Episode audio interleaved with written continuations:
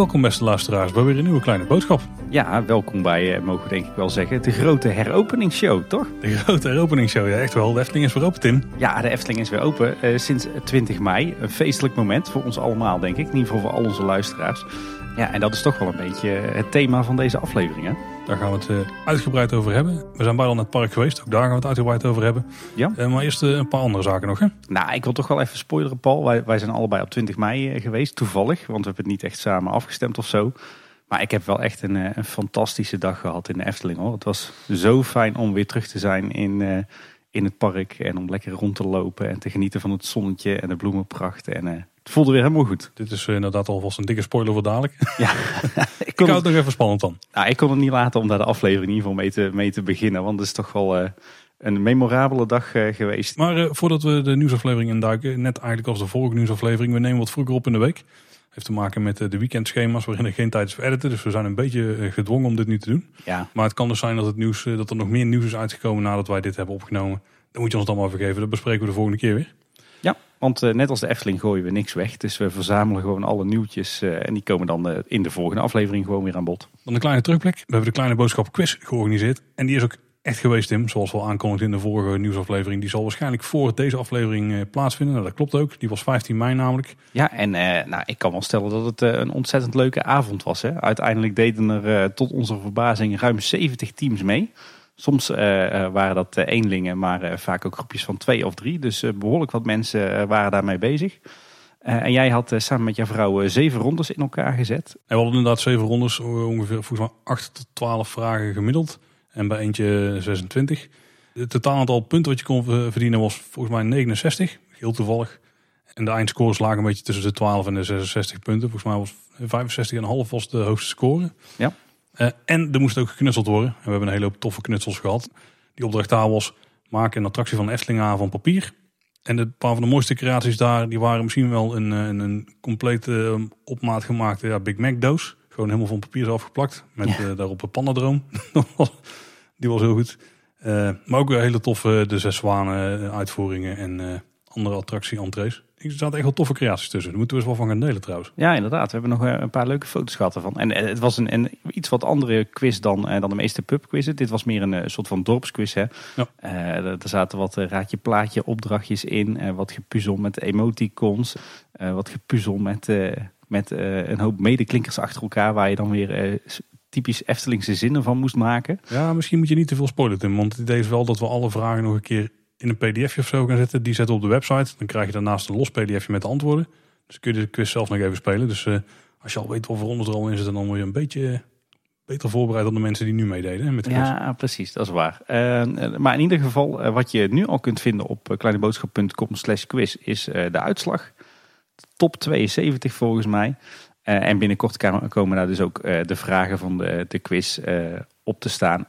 Mocht je dus uh, geen tijd hebben gehad of er in ieder geval niet bij zijn geweest op 15 mei, dan uh, kan je de quiz alsnog met je vrienden spelen uh, achteraf. Ja, en dan nog een stukje follow-up. de vorige aflevering over Efteling boeken. Goed ontvangen volgens mij, veel reacties erop gehad. We hadden nog een paar kleine stukjes feedback op die we wilden melden. Ja, we hadden het daar in die aflevering onder meer over dat in de voorbereiding van die aflevering dat ik door wat mensen getipt was over wat wat, uh, wat mooie uh, pretpark- en themaparkboeken die ik uh, toch echt moest hebben. Eentje daarvan was het, het boek The Amusement Park. en inmiddels is die binnen helemaal vanuit Amerika. En ik moet zeggen, het is echt wel een, een fenomenaal boek. als je ook maar een klein beetje interesse hebt in de ontstaansgeschiedenis van, van de pretparken en de themaparken, dan moet je dat echt lezen. Ja, echt een, echt een schitterend boek. gaat echt helemaal terug tot in de middeleeuwen en vertelt eigenlijk ja, de, de, ontstaansgeschiedenis van de pretparken. Van uh, parken zoals uh, Tivoli Gardens en Bakken in Denemarken. Naar Coney Island, naar Blackpool Pleasure Beach. En zo langzaam maar zeker richting de parken zoals wij ze kennen. heel mooi geïllustreerd, mooi geschreven. Dus absoluut een aanrader als je wat hebt met de pretparkwereld. Wat we het ook over hebben gehad in die aflevering, dat zijn stripboeken die met Efteling te maken hebben. En wat eigenlijk wel tof is en wat we toen vergeten zijn om te melden, is dat de Vijf Zintuigen bij hun, hun nostalgie op dag 4 een heel tof, uh, tof kijkje had geplaatst. Eigenlijk in alle Suske en Wiske stripboeken die met Efteling te maken hadden. Dus uh, check die ook zeker even. Linkje staat in de show notes. Ja, ik moest trouwens wel lachen, want we waren die aflevering heel enthousiast aan het opnemen. En eigenlijk tijdens de opnames eh, kwam ik erachter dat ik uh, Polles helemaal niet had. Dus die heb ik de volgende ochtend toch maar snel even besteld om de collectie toch weer compleet te maken. En, en grappig genoeg had, had Erwin Taats het in de aflevering er ook nog over dat het boek Sprookjes van Grim, geïllustreerd door Anton Pieck, dat dat toch ook wel een must-have was. ook al had dat niet direct wat met de Efteling te maken. En eh, een paar dagen later kwam ik erachter dat ook dat boek eigenlijk stiekem al eh, bij ons in de boekenkast stond. Dus zo kom je er toch achter wat je allemaal stiekem nog hebt staan. Schitterend boek inderdaad. En dan Tim, we gaan het hebben over corona. En dit keer is het niet alleen maar het traantje wegpinken. Ja, deze keer is het vooral denk ik positiviteit. Ik wou zeggen een en al positiviteit. Dat is het misschien niet, maar toch wel volop enthousiasme denk ik. Nou, er is veel gebeurd. Het allerbelangrijkste is natuurlijk dat de Efteling is heropend.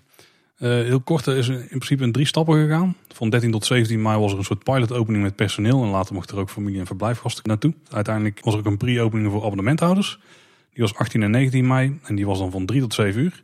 En alle abonnementhouders mochten daar naartoe met een online reservering. Reserveren gaan we het daar absoluut nog even over hebben. En vanaf 20 mei was dan de officiële opening, of heropening eigenlijk, voor iedereen. Vanaf uh, 10 uur s ochtends tot 6 uur s avonds kon je weer terecht. Ook met de reservering. En dat is eigenlijk waar we nu ook zijn. Hè? Ja, ja, jij zegt voor iedereen, maar even voor duidelijkheid, het park draaide dus op een, uh, een lage capaciteit. Uh, minder dan een derde van, van de maximale capaciteit van het park. Waarbij je dus inderdaad van tevoren een kaartje moet reserveren. En een deel daarvan is, is gereserveerd voor abonnementhouders, een deel voor verblijfsgasten en een deel voor daggasten. Dus even spontaan een dagje Efteling bezoeken is er voorlopig even niet bij. Heel begrijpelijk ook. Ja, want te reserveren dat is eigenlijk het, het belangrijke punt hier. Hè? Want dat is naast alle maatregelen binnen het park is dat het grote ding vooraf. Uh, toch een soort drempel om te komen. Uh, ik zei het voor iedereen, want in principe kan iedereen wel een reservering plaatsen. Maar je moet daarvoor wel ja, een plekje zien te bemachtigen. Voor iedereen die het niet helemaal heeft gevolgd, hoe werkt te reserveren nou? Ja, in, de basis ga je naar de Efteling website. Uh, en daar, uh, begint het feest. Daar ga je voordat je in het park in een wachtrij mag staan, al daar in een wachtrij nou, zitten in de meeste gevallen. als je daar doorheen bent, dan mag je gegevens invullen. Dan kun je online dus een tijdslot reserveren voor de aankomst. Dus er zijn meerdere tijdsloten per dag eigenlijk. Dus die moet je reserveren. Dan mag je daarna in principe tot sluiting gewoon in het park blijven. Zoals er eigenlijk altijd al het geval was. Ja. Het is wel zo dat als je een reservering hebt geplaatst. Dan kun je in ieder geval als abonnementhouder pas weer een nieuwe reservering plaatsen nadat je in het park bent geweest. Mhm. Dus je kunt niet in één keer voor meerdere dagen reserveren. Nou, die reservering die krijg je dan uiteindelijk in je mailbox. Maar je kunt hem ook koppelen aan je Efteling account. En dan kun je ze in de Efteling app dus laten zien. En dan kun je ze ook laten scannen bij de entree. Dat werkt, uh, werkt best goed eigenlijk. Heel makkelijk, ja. Je kunt ook annuleren, dat is wel fijn. Dus kun je niet komen, zeker als abonnementhouder. Want ik denk dat als je het dagticket hebt en je annuleert, ja, dan zorg je dat je een nieuwe reservering krijgt. Maar als je een abonnementhouder bent, dan heb je misschien wat minder reden om te annuleren. Maar dat kan dus online en via de app en doe dat dus absoluut. Want daar komen weer plekken vrij voor mensen die wel naar het park kunnen gaan. Dat betekent dus ook dat er af en toe ook plekken vrijkomen. Dus ik weet dat op Esselstats nou een, een handige pagina staat waar je kunt zien hoeveel plekken er vrij zijn. Ik weet niet hoe actueel die altijd is. Maar houden in ieder geval gewoon die reservering in de gaten. Want het kan dus gewoon zijn dat de plekken vrijkomen. En dat bleek ook wel. Want volgens mij tijdens de abonnementhouder previews. Toen in principe alles tot 2 juni al vast zat. Of dicht zat. Toen kwamen er zelfs nog plekken vrij tussendoor.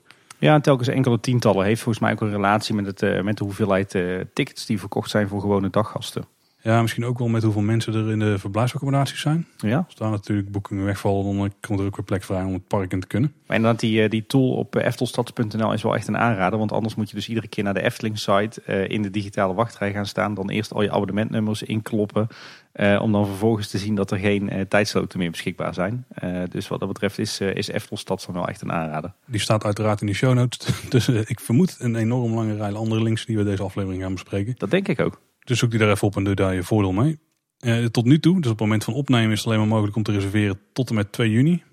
Maar uh, vanaf, vanaf afgelopen woensdag, als je dit luistert, dan uh, zijn er weer tijdsloten vrijgekomen tot en met 2 juli. Nou, dat is het, het zeg maar een beetje het theoretische verhaal hoe het werkt. maar wat gebeurde er in de praktijk? Het online reserveren voor abonnementhouders, dat was mogelijk vanaf zaterdag 16 mei om 4 uur ging de digitale wachtrij open.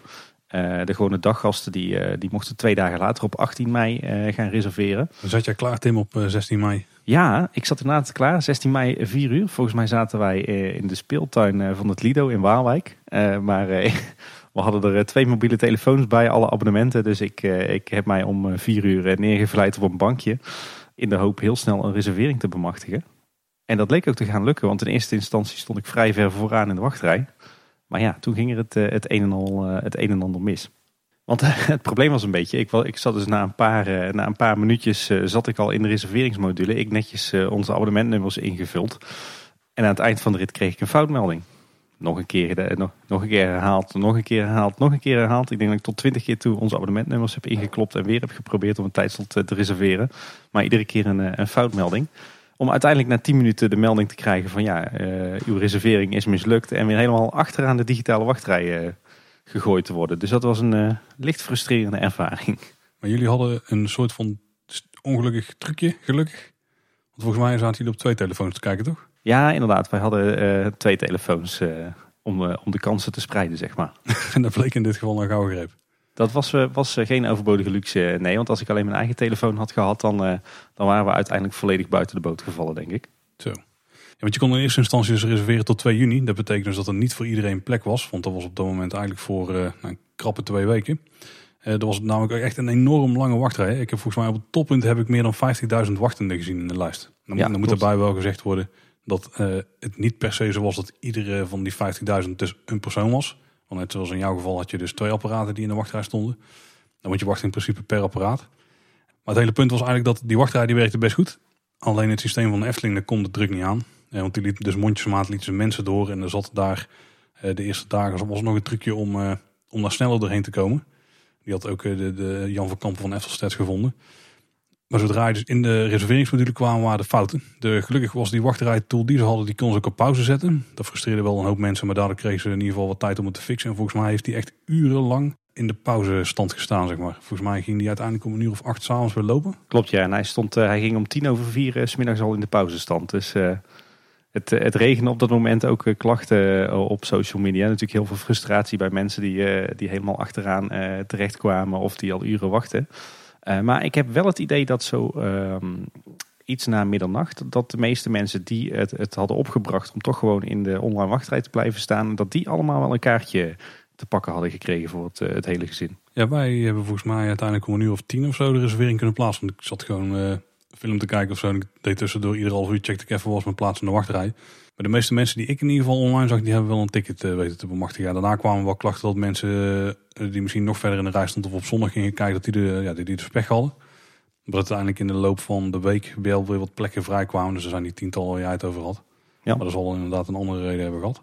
Ja, ja wij, wij hadden uiteindelijk uh, zo rond middernacht uh, kaartjes uh, te pakken met hele kleine oogjes. maar ik denk dat het voor heel veel Efteling-liefhebbers en abonnementauders een, een hele spannende en frustrerende zaterdagavond is geweest. Ja, er doken wel een aantal media mensen op af en dat was op zich wel interessant, want Omroep Brabant was er eentje van die hebben volgens mij wel contact gehad met de Efteling. En daar werd ergens tussen neus en lippen doorgeroepen dat er 90.000 abonnementhouders zijn bij de Efteling. Ja, dat is op zich leuk, want uh, dat gerucht dat gaat eigenlijk al jaren rond. Dat getal van 90.000. De Efteling doet daar heel geheimzinnig over, wil daar nooit wat van zeggen. Maar nu hebben we dus wel bevestigd gekregen dat, uh, dat de Efteling maar liefst 90.000 abonnementhouders heeft. En dan is het op zich natuurlijk helemaal niet gek dat je in zo'n online wachtrij uh, op een toppunt ruim 50.000 mensen hebt. Ja, niet alleen dat. Het is ook nog eens zo dat er dus gegarandeerd als iedereen van die 19.000 naar de Efteling wilde, er gewoon absoluut geen plek voor was. Nee. Want volgens mij is de aanname nu dat er ongeveer 6000 mensen in het park zijn. Tenminste in de, in de, de dagen 20 mei en daarna.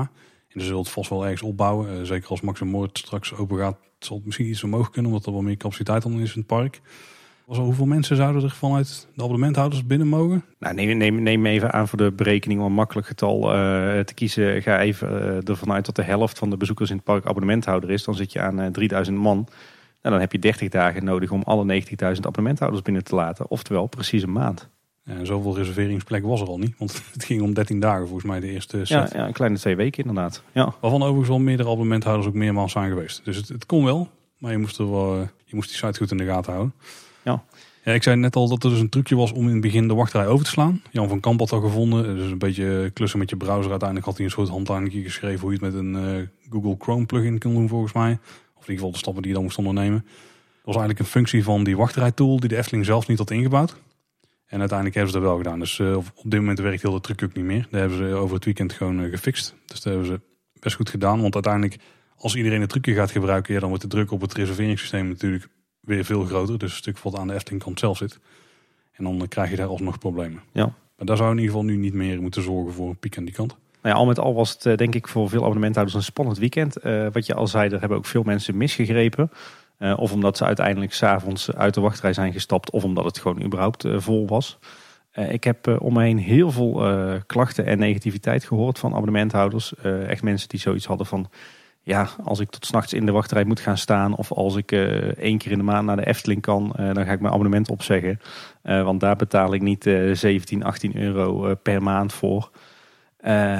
ja, het is, het is denk ik een, een duivels dilemma voor de Efteling. En nou ja, misschien sowieso al een situatie waar geen oplossing voor is die voor iedereen helemaal perfect is. Ja, kijk, het punt is natuurlijk dat je capaciteit hebt. En die is een stuk minder dan normaal. Ja, daar kun je gewoon niks aan doen. Dus ja, zo'n reserveringssysteem is gewoon nodig. En dit heb je natuurlijk ook bij ieder concert. Hè? Bij, als je, dan hoor je diezelfde klachten ook. Mensen die dan ook... volgens mij gaan dan ook gewoon 80.000 mensen tegelijk proberen om een ticket te reserveren voor een concertavond. Ja, daar komt ook niet iedereen doorheen. Dan krijg je dezelfde klachtenregen. En ik hoor het ook bij andere parken hoor. De Efteling is natuurlijk wel, wel heel populair. Maar er zijn volgens mij ook andere parken waar het nog niet helemaal soepel loopt. Ook Europa Park had problemen volgens mij. En um, Movie Park Germany, dat duurt ook veel langer dan verwacht allemaal. Ja, precies. Kijk, het probleem is een beetje, jij hebt het inderdaad over, over concerten uh, of festivals. Daar staan wij ook geregeld voor in zo'n digitale wachtrij. Tenminste in, in de goede oude tijd dat dat nog kon. Alleen dan is het verschil natuurlijk dat je daar niet al jarenlang maandelijks een bedrag aan betaalt. Hè? Dus dat je, geen, je bent geen abonnementhouder op een muziekfestival. En dat, klopt, ja. dat was hier natuurlijk de clue. Kijk, het is nu al duidelijk. de Efteling heeft geen limiet gesteld aan het aantal bezoekjes dat je aan de Efteling kan brengen als abonnementhouder. maar als je even snel die, die berekening maakt, dan denk ik dat de praktijk toch is dat je, zeker als ze iedere keer maar een aantal weken vrijgeven, dat je als abonnementhouder maar, wat zal het zijn, één keer in de maand. Nou, misschien straks als er meer, meer tijdvakken komen, waar we het zo meteen nog wel over zullen hebben, dat je dan misschien twee keer per maand naar de Efteling kan. Ja, ik moet zeggen, aan de ene kant uh, vind ik dat ook wel lastig hoor. Uh, wat ik al zei, ik heb 20 mei een ontzettend leuke dag gehad. En het liefst zou ik diezelfde week of de week erna weer gewoon het park in gaan, een hele dag. Maar ja, dat zit er gewoon echt even niet in. En ik moet zeggen dat... Uh, schuurt bij mij ook wel een beetje. Want ja, je denkt toch, ik, eh, ik heb al bijna 30 jaar een abonnement op de Efteling. Ik betaal al jarenlang een vast bedrag iedere maand. Uh, ik geef uh, op jaarbasis, nou wat zal het zijn, 2.500 euro aan horeca en souvenirs uit. En dan mag je ineens maar één keer per maand. Dus dat is de ene kant van het verhaal. Waardoor ik ook snap dat heel veel mensen, zelfs in mijn omgeving, dus zelfs echt grote Efteling-liefhebbers die nu zeggen van nou, ik zeg mijn abonnement maar even op.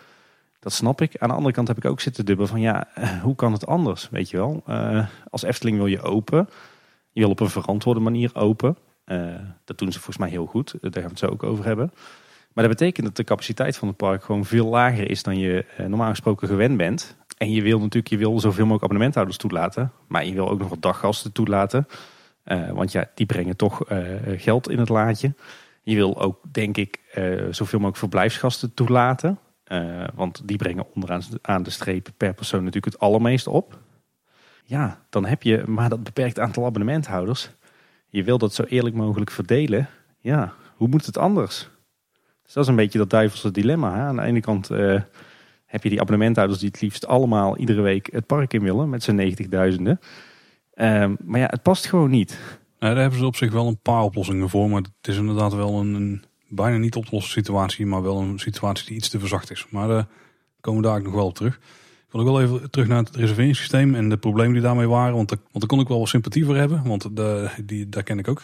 je gaat iets bouwen. Uh, wat normaal gesproken, ik heb geen idee hoeveel tickets op, op een dag worden verkocht online voor de Efteling. Er zijn er misschien tussen de 5 en 10.000 op een dag. En dan heb je best een goede dag, denk ik, voor de Efteling. Eh, als ze zoveel online verkopen. Maar dat is verdeeld over heel de dag. En nu krijg je in één keer van die pieken. Maar ik denk ook dat we aanpassingen hebben gedaan op het hele boek- en reserveringssysteem. En dan ga je in één keer iets nieuws presenteren wat je misschien met, nou wat zal het zijn, met je IT-afdeling hebt getest. Dus ga uit van een man of 30 tot 50 en misschien nog wel collega's er rondomheen. Maar je kunt het zoiets heel moeilijk testen op zo'n zo'n piek die je ja, uiteindelijk misschien maar twee of drie keer hebt. Uh, want ik denk dat ze er nu een hebben. Dat ze er een hadden toen de eerste ticket, uh, dat de eerste daggasten konden boeken. En dat we er dadelijk weer een gaan krijgen als de 2 juli slots open gaan. En ik denk dat ze daarna gewoon voor een langere periode of zo moeten doen. Of, of iedere week gewoon zo'n moment hebben dat er weer een week aan vast wordt geplakt in de toekomst. Want anders dan ga je iedere keer zo'n enorme piek creëren. Ja, en het is heel lastig om daar in ieder geval de, de code voor te bouwen. Zeker als je het uh, helemaal op maat maakt. Ja, dat dat dan stabiel blijft draaien. Dat is gewoon enorm moeilijk te testen. En ze hebben zo snel mogelijk proberen in te grijpen. Ja, ik kan me daar heel erg uh, sympathiek voor opstellen. Want ik, ik, ken het uit de praktijk, hoe dat gaat. Maar ik, ik kan me voorstellen dat als je denkt van ja, dit is een groot bedrijf, die moet het toch gewoon gefixt hebben. Is in de praktijk ook moeilijker. Je kunt het super robuust opzetten. Maar dat is eh, denk ik interessant als je een ticketmaster bent die inderdaad dagelijks bijna zo'n piek eh, verwacht. Maar voor de Efteling niet te pakken krijgt, ja, dan zijn de kosten misschien niet de moeite om dat te doen. En de tijd die ervoor moet investeren trouwens, want die hadden ze nu niet. Want ik denk dat ze er misschien een maand aan hebben gewerkt of zo. Ja, nee, ik weet ook niet of daar de grootste frustratie vandaan kwam. Hoor. Want ik denk dat ze het op zich heel netjes hadden aangepakt met die, met die online wachtrij. Die werkte ook op zich heel goed. Het was alleen het systeem wat daarna kwam op de Efteling-site, wat in, in het begin dus niet werkte. Ja, ook dat, het is, het is natuurlijk best wel ingewikkeld. Hè? Want uh, je voert je abonnementnummer in en je, en je geboortedatum. Uh, dat moet worden gecheckt in een database. Um, of dat dat klopt. Vervolgens zit er natuurlijk ook een controleslag op uh, van heeft die persoon al een reservering staan of niet. Dus dat is best wel ingewikkeld. ik kan me ook best voorstellen dat het dan in eerste instantie misgaat. Daar lag bij mij ook niet de frustratie. En ik denk bij heel veel mensen ook niet. Ik denk dat wat, wat met name het pijnpunt was bij veel mensen uh, is de teleurstelling van het feit dat ze geen kaartje konden bemachtigen.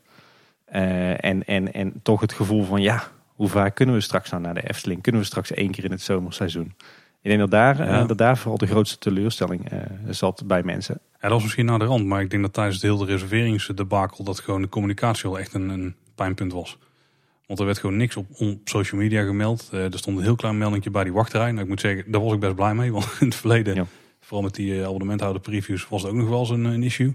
En dan stond er gewoon niks. Dan moest je gewoon naar F5 en hopen dat er iets goed, uh, iets goed ging op een gegeven moment. Maar nu werd er helemaal niks gecommuniceerd.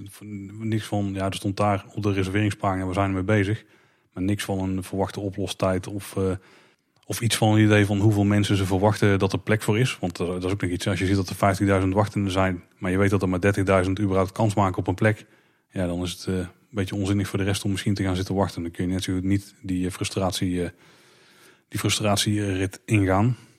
Het stukje communicatie had echt wel beter gekund. En ik kan me ook niet voorstellen dat er niet op de achtergrond was besproken van misschien moeten we even wat berichten eruit houden. Maar dat bleef gewoon stil, eigenlijk op alle lijnen. Ja, ik snapte dat ook niet. Want Efteling uh, zet normaal gezien, zeker de laatste jaren, toch echt fors in op, op real-time communicatie en, en crisiscommunicatie. Ik vond het ook heel raar dat we niks hoorden op de website, niks hoorden op, op social media. Heel vreemd.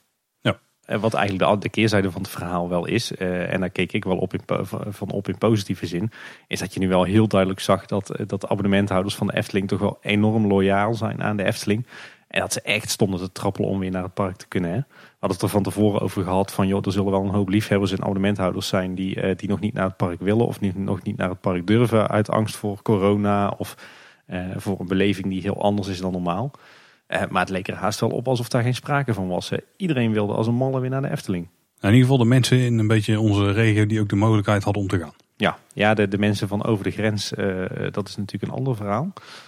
Wat ik overigens wel grappig vind, ik ben in het, het hemelvaartsweekend uh, uh, dus naar de Efteling geweest op woensdag, maar daarna ook naar de Beekse Bergen.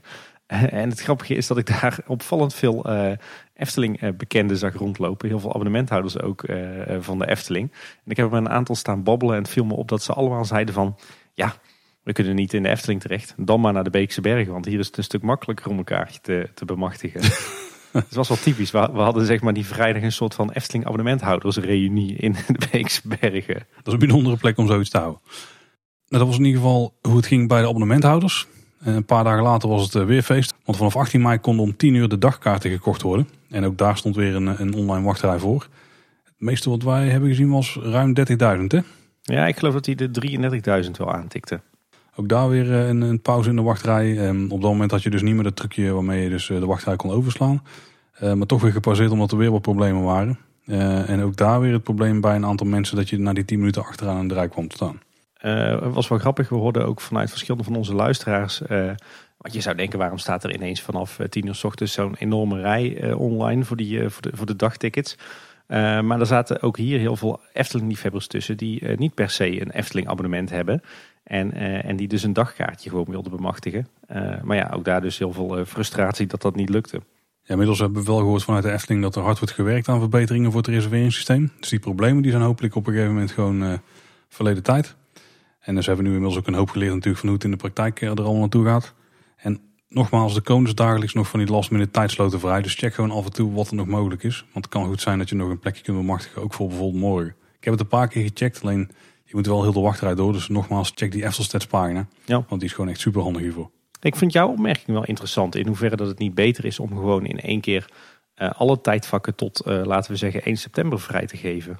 Als je iedere keer zegt van we geven maar twee, drie, vier weken vrij, zoals nu het geval is, dan ga je natuurlijk iedere keer op dat moment van vrijgave van nieuwe tijdsloten ga je zo'n enorme rij creëren. Ik denk dat het ook een beetje te maken heeft met de versoepelingen van de maatregelen of niet die de overheid nog verder gaat aankondigen. Want ik kan me bijvoorbeeld voorstellen dat als, er, dat als de versoepelingen van 1 juli, waar bijvoorbeeld toiletgroepen worden opengesteld, als die niet doorgaan, dan zal er ook wel een, ja, een bottleneck blijven in de Efteling. Zeker als je de capaciteit verder gaat verhogen. Want ik denk dat die nog wel iets hoger kan nu, zeker als ze dat stukje op orde hebben. Misschien dat ze daar niet al te veel op vooruit willen lopen. Maar, maar even uh, waar ik dan wel uh, benieuwd naar ben. Ik, ik, merk bij mezelf best wel wat. ja, dat het toch wel wat aan me knaagt. die gedachte van, joh, ik, ik kan misschien maar één keer per maand naar de Efteling. En, en, het duurt nog wel even voordat ik weer kan gaan. Hoe, hoe zit dat bij jou? Nee, daar heb ik weinig last van. Oké. bij mij is het toch meer een verslaving dan bij jou dan, denk ik. mogelijk wel, ja. Overigens wel, wel alle begrip daarvoor. Want ik merkte bijvoorbeeld, ik ben afgelopen hemelvaartsweekend ook bij meerdere dierenparken geweest waar de capaciteit van het park minder was teruggeschroefd en waar het hartstikke druk was. En dat voelde toch ook wel ongemakkelijk. Dus ik heb tegelijkertijd ook wel heel veel begrip voor de Efteling. Dat, dat ze zeggen van we limiteren de capaciteit. Uh, we kiezen voor een paar duizend abonnementhouders per dag. En, uh, en laten we dan gaan voor een, eh, een heel eerlijk systeem. Waarbij iedereen een, een eerlijke kans krijgt. en je pas nadat je reservering is verlopen. Of nadat je naar de Efteling bent geweest weer een nieuwe reservering kan plaatsen. Het, het, is wat magertjes. Maar het is wel denk ik de meest eerlijke oplossing. En ook begrijpelijk vanuit het perspectief van de Efteling. En vanuit een stukje veiligheid en gezondheid. Dus ik denk dat van, van alle slechte opties dat het de beste is zoals het nu gaat. Dat is een goede manier om het te stellen. Ja. Nou, uiteindelijk tickets gereserveerd. Dat kon allemaal vooraf. Toen ging op 18 en 19 mei het park al uh, open voor een klein groepje abonnementhouders. Want we hadden wel een soort van voorsprong. De eerste dagen waren er, uh, nou wat we hebben gehoord, ongeveer 3000 abonnementhouders per dag. Uh, was op zich een succes van wat ik ervan heb gehoord. Daar zijn we dus zelf niet geweest. Maar alle berichten die ik daarvan online zag langskomen, die waren eigenlijk best positief. Ja, het was eigenlijk een soft opening. Hè. Dat was op maandag en dinsdag en dan alleen eh, de namiddag en het begin van de avond. Wat natuurlijk wel een verschil was, was dat, uh, dat die dagen dat er geen daggasten waren. Uh, dus er waren op die dagen, zo wij begrepen hebben, iedere keer 3000 man. maar dat waren dus bijna alleen maar abonnementhouders. En vanaf woensdag 20 mei, dus vanaf de officiële heropening van het park, schijnt de capaciteit 6.000, 7.000 te zijn. Alleen daar zitten natuurlijk ook weer wat daggasten bij. Dus ik denk dat de capaciteit voor abonnementhouders ongeveer gelijk is gebleven. En bij de pre-opening had je natuurlijk nog wel de verblijfsgasten die er al waren. Want die mochten ook gewoon naar binnen op die dagen. Ja, dat is waar. Maar ik begreep van jou dat het maar een paar auto's waren, toch? Ja, toen misschien inmiddels niet meer. Omdat je toen ook inmiddels naar het park kon. Het punt is natuurlijk wel dat het, als je een park hebt vol abonnementhouders, die gedragen zich wel wat anders dan daggasten. Want die hebben wel minder de neiging om alle attracties per se te doen.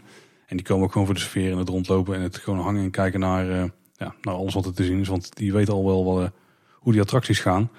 Uh, en die kennen de route door het park ook goed. En ik denk dat die misschien ja, al wel bewuster ervan zijn hoe ze zich kunnen gedragen daar om zich binnen alle maatregelen te bewegen. Maar toen kwam uiteindelijk 20 mei, Tim. Woensdag 20 mei, ja. Ja, dat was de grote dag dat de Efteling officieel weer heropende. En eh, toevallig ook voor ons allebei eh, de eerste keer dat we weer naar de Efteling mochten. Ja. Ik voelde me echt wel zo'n koe die eh, na een winterlang op stal weer voor het eerste wei in mag. ik weet niet of je die beelden kent, maar... Die ken ik wel, ja. Je was flink aan het stuiteren. Ja, ons gezinnetje gedroeg zich wel zo die ochtend. want jullie hadden het vroege tijdslot, denk ik, hè? Ja, wij hadden inderdaad het tijdslot van half tien. Dus wij stonden ook echt al ruim op tijd voor de poort. En we hebben er uiteindelijk een volledige dag van gemaakt. Ik geloof dat we pas tegen zes weer naar huis gingen. Dus we hebben meteen alles uitgehaald wat erin zat, zeg maar. Was het dan druk bij de poort ook op dat moment? Nee, helemaal niet. Het ging super soepel. Oké, wij kwamen namelijk laat binnen. We hadden volgens mij de laatste tijdslot. Uh, dus we waren om één uur er. We, waren, we liepen volgens mij iets voor één naar binnen, dus we waren ook netjes op tijd. En uh, toen was het helemaal niet druk. Toen stonden we denk ik in het Huis van de Vijf Zintuigen misschien zes gezinnetjes of zo. Dat was het. Ja. Van een paar braaf aan het wachten waren. Dat hadden wij dan niet helemaal gedaan. Ik denk, checken of we naar binnen kunnen. En dan konden we gewoon natuurlijk. Nee, bij ons stond, bij stond, stond er ook. Je, je, had dan vier rijen op, die, op dat moment, of vier poortjes die open waren. En in iedere rij, iedere rij stonden twee of drie gezelschappen. Dus dat was, uh, was heel netjes. Nou, dat is netjes. Heel gedoseerd. Maar misschien goed voordat we uh, terugblikken uh, op, op die eerste dag. We hebben allebei ook nog een voice clipje opgenomen aan het eind van ons bezoekje aan Efteling. We zijn elkaar trouwens ook niet tegengekomen die dag, gek genoeg. Nee, dat is bijzonder ja. maar misschien leuk om daar eerst even naar te luisteren, aangezien dat toch een leuke eerste indruk geeft. Ik, ik moet er wel even bij, bij, bij waarschuwen. Ik geloof wel dat ik enigszins veerdronken was op dat moment. Dus hij komt misschien een beetje wazig over, die voice clip. Nee, ik had een hele vlotte toen met Huis van de Vijf Sintuigen uitliepen. Nou, dat was het eerste dagje Efteling eh, in de Corona Special Edition. Maar wat me vooral opviel, is dat het eigenlijk niet zo heel speciaal was. Het was eigenlijk gewoon een normale dag Efteling. Volgens mij als jij gewoon een betalende bezoeker bent, dan heb jij gewoon een prima, prima dag hier. Dan heb je gewoon een Efteling dag zoals je normaal gesproken ook zou kunnen hebben. En dat komt nu vooral nog denk ik door de drukte in het park. Want het valt nu al mee. Ik heb gehoord dat er ongeveer 6000 mensen nu worden toegelaten in de eerste dagen. Zullen ze nog wel opschroeven, maar op dit moment is het echt goed te doen. Voornaamste rij die staan bij de toiletten, maar daar zijn ze al oplossingen voor aan het treffen. Nou, we lopen nou de parkeerpromenade op. En uh, dat was hij dan. En ik heb van tevoren gezegd, ik denk dat het nog wel eens, uh, als het vandaag niet zo goed bevalt, een week of zes kan duren of zo voordat ik terugkom. Misschien wel langer. Maar ik denk dat het soms wel eerder te gaan terugzien hier uh, in de Efteling. Zeker als je gewoon een dagje met je gezin hebt, dan gaat dat prima. Ik snap dat het wel lastig is als je met vrienden komt. Maar wij hebben eigenlijk gewoon alles wat we van tevoren hadden bedacht dat we wilden doen, gewoon kunnen doen. Meer dan een normale ja, middag dat we gewoon binnenkomen vallen, spontaan. Is mij goed bevallen. Het is wel leuk bij de Efteling, hè? En is wel leuk als mama mee, als het attracties dicht is. Dan niet leuk. Doei, doei! Wauw, wauw, wauw. Het is woensdag 20 mei, inmiddels een uurtje of vier in de middag en de Efteling is weer open. Ik zit hier uh, in alle rust op het pleintje achter het spookslot. Mijn jongste dochter is inmiddels uh, in slaap gevallen. Mijn oudste dochter en Anne zijn in de Piranha.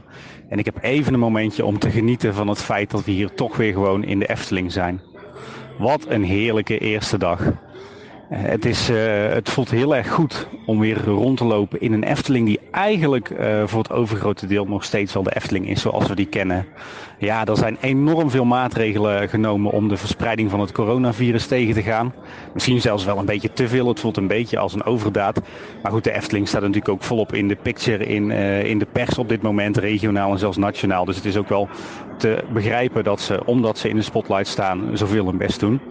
Uh, maar overal is aan gedacht uh, en tegelijkertijd loopt het hartstikke goed in het park. Uh, het is eigenlijk ja, best gezellig. Het, de, de paden en pleinen, daar loopt best wel wat volk. Maar niet dat je zegt van het, is echt veel te druk. rijden in de attract, bij de, voor de attracties zijn minimaal. we hebben echt al enorm veel attracties kunnen doen vandaag. Uh, de sfeer is goed, de mensen die zijn uh, uitgelaten en blij dat ze weer naar de Efteling kunnen. Uh, er is enorm veel personeel aanwezig en dat personeel is allemaal ook ontzettend vrolijk. Dus het is eigenlijk gewoon een heerlijke dag Efteling. Het park ligt er prachtig bij, de bloemen staan allemaal in bloei. En ja, goed, je, natuurlijk vind je bij, op ieder plein en bij iedere attractie de nodige maatregelen. Maar ja, na een paar uurtjes kijk je er eigenlijk wel doorheen en weet je niet beter. Dus het is uh, vooral ontzettend genieten om weer in de Efteling uh, te kunnen zijn. En het is ook heel tof dat je op zo'n dag als vandaag uh, niet de enige bent die zo denkt. Want je merkt wel dat er heel veel andere liefhebbers en abonnementhouders rondlopen. Die allemaal heel erg gelukkig zijn dat ze weer in het park kunnen. Dus we hebben echt een fantastische eerste dag vandaag. En het voelt zo goed om weer terug in de Efteling te zijn. Het is echt op en top genieten. En we halen alles uit de dag wat we eruit kunnen halen. Dus ja, wat mij betreft een enorm succes. En ik kan niet wachten tot we weer uh, naar de Efteling kunnen. Nou, dat waren onze verse indrukken na een dagje Efteling. Volgens mij waren we al twee eh, zeer positief. Ja, dat kan je wel stellen, ja. Nog steeds wel hoor. Ik eh, denk wel achteraf van, joh, dat, ik had ook wel een iets feitelijker verhaal van kunnen maken. Maar ja, dat is dan in de heat of the moment, hè. Nee, ik moet zeggen, ik was vooraf dus best sceptisch. Ik denk dat je het zo wel mag noemen.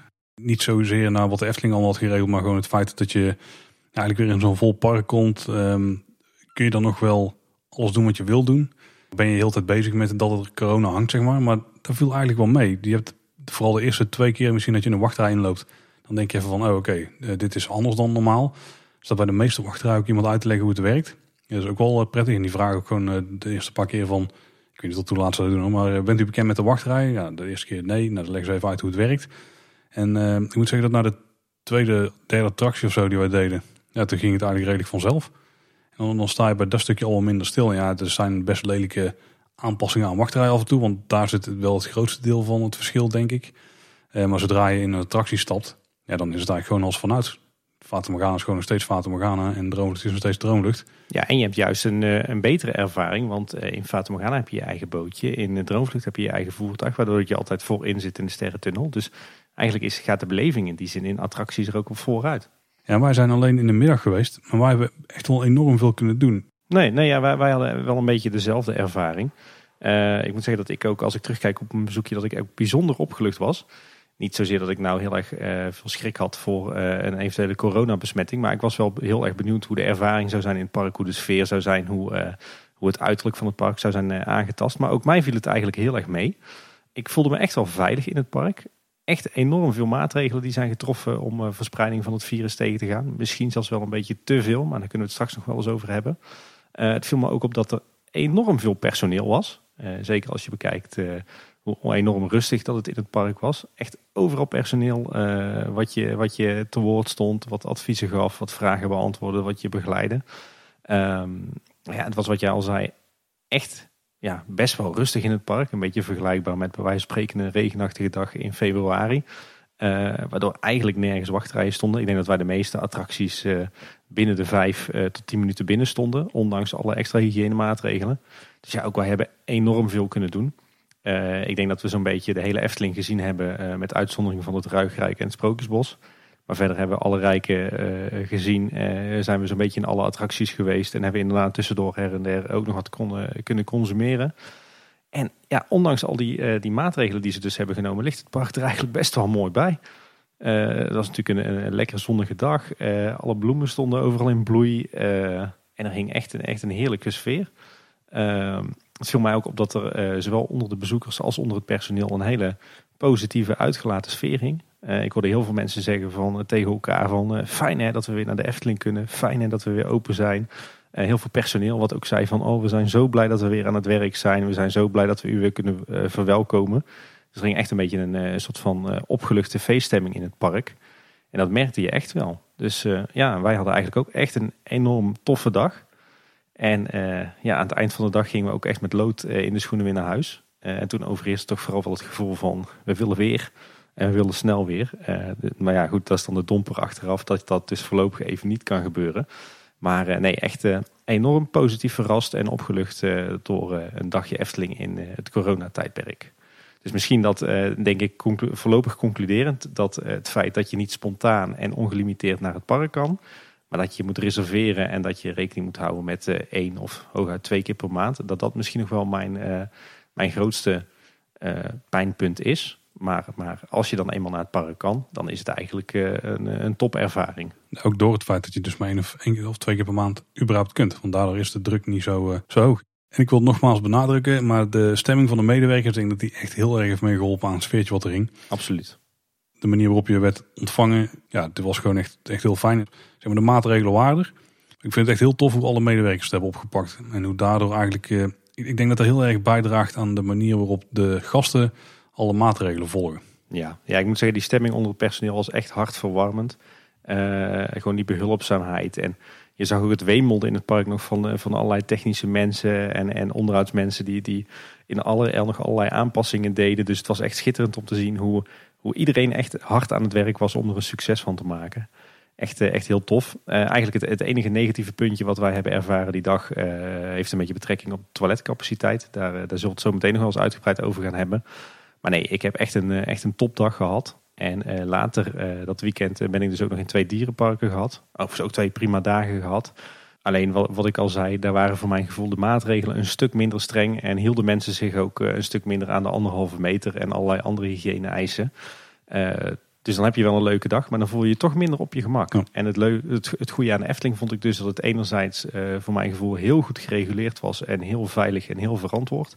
Maar anderzijds nog steeds die, die prettige sfeer en dat Efteling gevoel. Dus uh, echt chapeau daarvoor. Ja, ik betrapte mezelf er regelmatig op dat ik gewoon even vergat dat heel die corona-ellende er was. Dus een stukje escapisme wat je zoekt in een pretpark, dat was, gewoon, dat was er gewoon echt wel weer. Absoluut, ja. Wij hebben lekker zitten wegdromen in de gondoletta. Uh, we hebben een tijdje aan de dubbele laan mensen zitten kijken.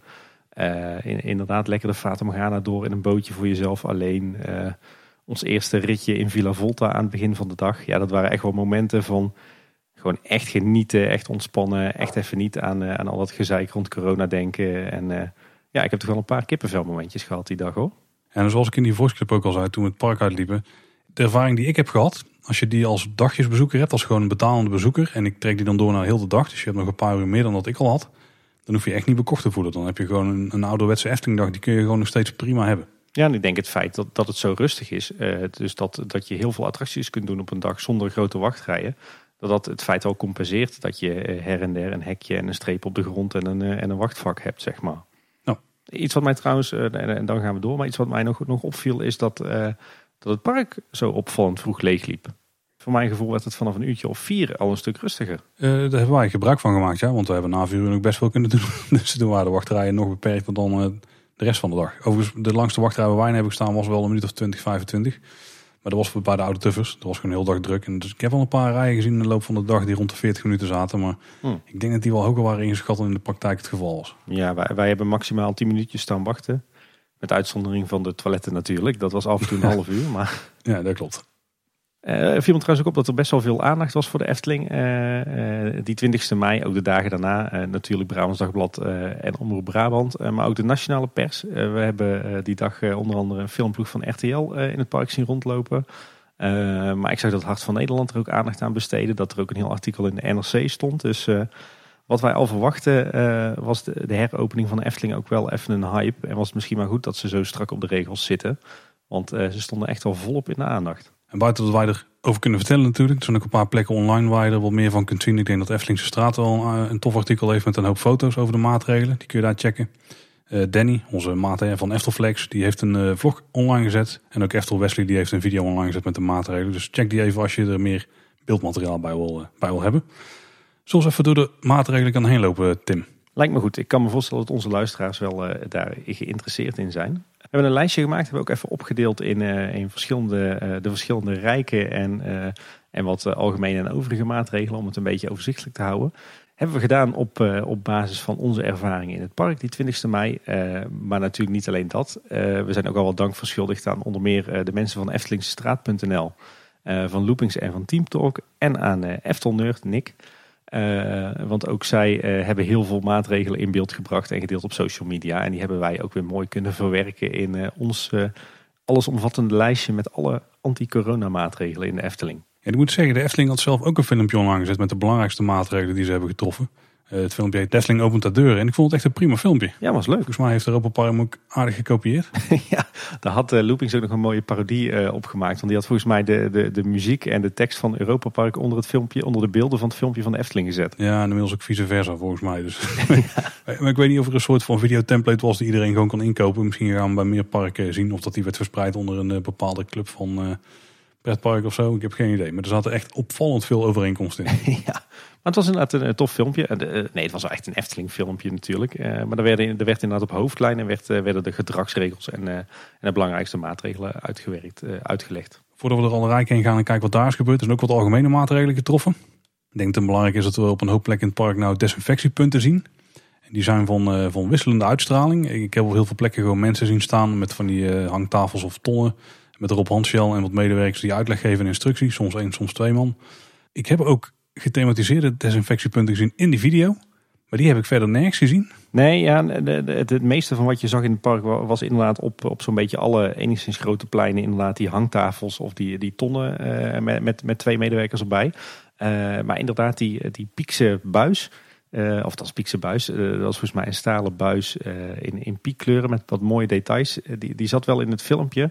Maar misschien dat dat een, een proefopstelling is geweest. Want uh, ik zag wel op 20 mei dat er uh, her en der in het park ineens uh, PVC-pijpen werden neergezet met, met zo'n zo'n flacon handshell erin. Ik kan me zomaar voorstellen dat die mooie metalen buis in piekblauw, dat dat een, een eerste proefexemplaar is geweest. En dat die nu in productie is bij Van der Berselaar.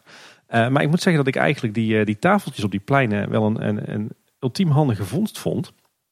Uh, want, want die stonden wat dat betreft echt wel heel handig. Want iedere keer als wij van, uh, van de ene attractie naar de andere attractie liepen en we kwamen langs zo'n tafeltje, dan was het eigenlijk super handig om uh, even de handjes eronder, even, even wrijven en weer door.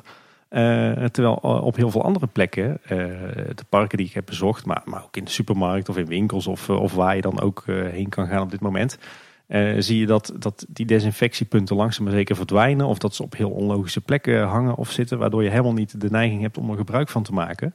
Maar doordat je er in de Efteling eigenlijk bij zo'n beetje iedere wandeling van attractie naar attractie langskwam, pak je dan toch even die handgel mee. En dat werkt wel echt stimulerend. En, en zeker als er dan ook nog wat, wat leuke Efteling-medewerkers bij staan in een, in een kek hesje die even vragen hoe het gaat en of je het nog naar je zin hebt en, en of je nog vragen hebt.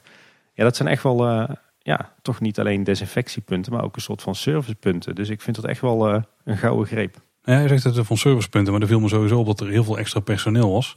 En bij, alle, bij bijna alle entrees van de attracties stonden mensen. Die dan ook even uitlegden dus, uh, hoe werkt de wachtrij nu. Zo bij heel veel horecapunten volgens dubbele bezetting. Je had dan inderdaad die tafels met mensen staan. Volgens mij liepen er op sommige punten gewoon mensen echt rond om vragen te beantwoorden. Of om mensen een beetje de goede richting op te sturen. Extra beveiliging was er ook. En heel veel attracties die hadden ook extra bezetting volgens mij was het park heel goed bezet. Ja, het park was extreem goed bezet. Uh, ik begreep inderdaad dat, uh, dat uh, er was gekozen voor een beleid waarbij iedere attractie en iedere horecapunt een host had. Een beetje gebaseerd op de greeters van Disney, zeg maar. Mm. En je zag inderdaad overduidelijk dat bijna iedere attractie op dubbele bezetting draaide. Zelfs bijvoorbeeld alle draai, draaimolens en zweefmolens op het Antropiekplein. Daar stonden twee medewerkers bij in plaats van eentje. en, en er liep ook inderdaad ook heel veel personeel gewoon los door het park om, om te assisteren, om vragen te beantwoorden. Um, viel me ook op dat er echt enorm veel techneuten die normaal gesproken alleen op de werkplaats zitten, uh, dat die nu ook door het park liepen met, uh, met de koffer met gereedschappen om, uh, om overal weer wat aanpassingen te doen om het nog net even ietsje beter te maken. dus nee, er zat echt enorm veel personeel in het park en heel veel droegen ook van die, van die gele hesjes voor een stukje herkenbaarheid. Dus het zat heel dik in het personeel het park. Ik heb ook begrepen dat er een hoop mensen zijn die normaal gesproken in de horeca werken. Dus op plekken die nu niet open zijn, de restaurant bijvoorbeeld. En dat die ook aan het assisteren zijn op, uh, nou, op andere plekken in het park waar ze gewoon nu bij kunnen springen. Dus op die manier zorgen ze wel dat iedereen gewoon aan de, aan de gang kan blijven. Dat is wel uh, voor die medewerkers in ieder geval fijn. Ik snap wel waar die uh, smiles vandaan kwamen, denk ik. Ja, maar wat moet dit in geld kosten, Bal? Ja, ik vraag me ook af voor wat voor tijd het is. Hè. Ik denk dat ze nu ook expres een hoop extra personeel hebben. Nu zijn ze voor een deel ook beschikbaar omdat die horecaplekken nog niet open zijn. Die gaan natuurlijk volgende maand gaan op wel wat delen weer van open. Dus ik ben benieuwd hoe, dat, hoe het dan gaat. Want misschien is het ook gewoon nu aanzien en, en zorgen dat ze geen flater slaan. Daar leren van ja, wat ze gewoon zien in de praktijk en daar het een beetje op aanpassen. Ja, dat dat langzaam maar zeker ook wat wordt teruggeschaald. Ik denk dat het in het algemeen wel gaat gebeuren. Ja, twee mensen bij, uh, bij draaimotors misschien wel een beetje veel van het goede, bijvoorbeeld. en ik zag bij Vogel ook, ook een flinke rij staan met personeel langs de trein. Waarvan er eigenlijk maar ja, misschien zelfs één effectief iets aan het doen was. Bij het in ieder geval het legen van de trein. Bij het vullen bemoeien zich wel meer mensen daarmee. Dus ja, ik denk dat het voor nu tijdelijk is. Eh, maar het viel wel op. En ik denk dat het op dit moment ook een juiste keuze om het op die manier aan te pakken. Ja, ja wat mij ook opviel bijvoorbeeld is dat eh, de Milieudienst de, de prullenbakken in het park extra aan het poetsen was. en dat op sommige plekken juist de kleinere afvalbakken of de afvalmandjes waren verdwenen. Ja, ik zag ook vooraf dat er wel prullenbakken waren opengezet. Zodat je er niet meer tegenaan hoeft te duwen om ze te openen. Maar bij een aantal prullenbakken zag ik dat het niet zo was. Dus ik denk dat ze nu ook daar een beetje aan het testen zijn. We horen sowieso dat ze nog een hoop dingen aan het tweaken zijn en aan het checken van wat werkt nou het handigst. Ja, ja en wat ik misschien nog het meest opvallende vond, is een systeem wat ik eigenlijk verder nog nergens ben tegengekomen. Maar eh, dat is het systeem van de rood-witte lijn. Ja, en de rood-witte lijn die is, kom je eigenlijk overal tegen in het park. Vooral in wachtrijen. Dat is een, bijna een soort lijn die je kunt volgen om bij uh, uiteindelijk het voertuig te komen. Als het een attractie is met voertuig trouwens. En het idee bij de rood-witte lijnen is, um, want je moet het wel even snappen, maar zodra je het snapt dan werkt het best goed. Is dat je bij de witte lijnen dan mag je stilstaan. En bij de rode lijnen dan moet je eigenlijk gewoon uh, een gat laten vallen. Of zoals wij het uitleggen aan de kinderen, als het volgende witte vak vrij is of het volgende stuk langs de witte lijn, dan mag je daar gaan staan, maar eerder niet. Hoe dat dan werkt, dat leggen ze dus ook uit bij de eerste wachtrij die je inloopt. Op andere plekken in het park hebben ze ook gewoon delen afgezet. Dan heb je ook rode vlakken waar je dan niet in moet komen. Met een witte lijn aan de andere kant van het rode vak, zodat je weet, daar mag je dan wel staan. Ja. En uh, ik zie dat ze nu dat soort dingen ook bij Maximum Morris aan het aanbrengen zijn. Dus dit lijkt wel uh, wat ze willen gaan doorzetten, ja. Ja, ja, het, het, heeft bij ons toch wel de dag redelijk beheerst. Het is eigenlijk een heel, heel goed systeem als je het eenmaal snapt. Uh, overigens niet alleen lijnen op de vloer, maar in sommige meanderingen zag je ook de, de witte en de rode lijnen terugkomen op de wachtrijhekjes. En uh, bijvoorbeeld zelfs in de zweefmolen had je wit gemarkeerde zitjes en rood gemarkeerde zitjes. Ja, dat was bij de vlindermolen ook zo, ja. het, is, uh, het is eigenlijk een heel, heel subtiel systeem ook, want het springt helemaal niet zo in het oog. Je zag al wel dat heel veel meanderinghekken beschadigd worden door al die, door al die duct tape. Maar goed, eh, dat nemen ze vast voor lief. Eh, maar ik vond het eigenlijk wel een, eh, een heel goed gevonden systeem. Hij maakte er ook een sport van met de kleinste. Van ja, we mogen weer naar de volgende witte lijn. Ja, daar ging we ons precies hetzelfde zo, ja. Je zegt net trouwens schade de meandering hek. Het viel me ook op dat ze op een hoop plekken gewoon echt de slijptolder in hebben gezet. We hadden voor foto's gezien bij Villa Volta. Maar ook bij Carnival Festival was een slijptolder ingegaan. Verder heb ik het niet echt op heel veel plekken gezien. Maar die, daar viel het in ieder geval wel op. Nou, er zijn, eh, er zijn meer meanderingen waar ze dat hebben gedaan. Eh, eh, we komen ze dadelijk ook wel tegen in ons overzicht per rijk. Maar bijvoorbeeld in de Fata Morgana hebben ze het ook gedaan. Alleen daar hebben ze zelfs hele stukken nieuwe wachtrijen ertussen gelast. En ook meteen op kleur geschilderd. Waardoor het eigenlijk, als je niet goed oplet, helemaal niet opvalt dat ze die halve meandering hebben verbouwd. Oké. Nou, dat vond ik tegen. Ik wou net zeggen, als je een keer een vacature ziet voor lasser, dan weet je dat de coronacrisis een beetje op zijn einde is. Want dan mag de Efteling weer alles gaan repareren wat ze nou eh, hebben gesloopt met de sluiptol. Ja. Maar op een paar plekken hebben ze al gedaan, oké. Ja, daar is al, eh, al volop gelast en geschilderd. Dus eh, als je niet goed oplet, dan zie je het nog niet eens. Nou, het kan goed zijn als ze bij die andere wachtrijen nog gaan doen, maar dat ze bij Fata Morgana zijn begonnen. Nou, wat wel opvallend was, er was, er was sowieso een beetje een raar filmpje. De Efteling had bij AMP Media Producties een filmpje neergezet. Ook een soort promofilmpje van we gaan weer open en dit zijn de maatregelen die we nemen. Eh, geen idee eh, waarom ze dat hebben gedaan en voor welke doelgroep. Aangezien ze een paar dagen later gewoon een, een algemeen YouTube filmpje hebben eh, gemaakt. Die eigenlijk een stuk mooier was dan die. Maar Ja. Ehm, maar daar, daar zagen we onder een groot deel van de beelden een tekst staan dat, dat de beleiding op de vloer tijdelijk is en wordt vervangen door een definitieve variant. Ja, we hebben in het rapport van de Club van Elf ook wel wat voorbeelden gezien die op de Efteling leken te slaan, die we nu niet hebben teruggezien. Dus dat waren dan een soort artist impressions, denk ik. En daarbij stonden er ook gewoon gethematiseerde icoontjes op de grond. Dan moet ik zeggen, die heb ik wel bij andere parken gezien. En ik zie dat die ook al voor een groot deel zijn weggesleten. Dus ik weet niet hoe, eh, hoe lang die blijven zitten dan. Maar Ja, ik er is wel de verwachting dat er wel meer gethematiseerde eh, aanwijsbordjes en, en beleidingen en zo komen. Ja, dat is inderdaad een beetje raar. Ik geloof dat, dat in het dat, protocol van de Club van 11 dat er wat voorbeelden waren met volgens mij vakken met het Huis van de Vijf Zintuigen erin. En lijnen met eh, voetstapjes van eh, de Reus en Klein Duimpje en zo. Dat soort thematisering. Eh, ik geloof dat bijvoorbeeld Burger Soe dat ook daadwerkelijk heeft uitgevoerd met, met allerlei dierfiguurtjes.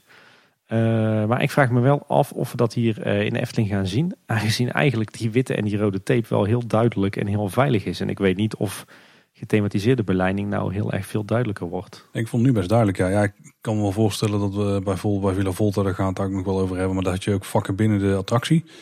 Volgens mij vijf. En daar staat er nu gewoon met tape een nummer ingetaped. Ja, dat is niet zo heel chic, weet Nee. je wel. dus ik kan me voorstellen dat ze die dan nog vervangen door gewoon stickers. Eh, wel met een, een normaal lettertype. En niet een of andere duct tape creatie. Ja. Dus het kan wel mooier. Ehm, maar ik heb wel het idee dat ze nu eigenlijk met zo min mogelijk middelen eigenlijk het meeste eruit hebben kunnen halen. Ja, en ik denk dat ze nu ook heel flexibel zijn. Hè? Want als het niet werkt, dan pakken ze gewoon twee rollen tape. En dan eh, maken ze het gewoon opnieuw, maar dan net weer wat anders. ja. Ben benieuwd. Ik denk dat we de komende tijd nog best wel wat wijzigingen gaan zien wat dat betreft. Nou, buiten die tape ook een hoop nieuwe informatieborden. Er zijn dus van die eh, sandwichborden vooral, dus die eh, openstaan langs de, langs de paden. Ja, van die klapborden, zeg maar. En een hoop A4'tjes, eh, geplastificeerd. Veel vakken op de grond dus, waar ook dus af en toe plekken zijn vrijgemaakt waar personeel kan staan. Veel hekken. Ik moet zeggen, er zijn enorm veel hekken, Tim.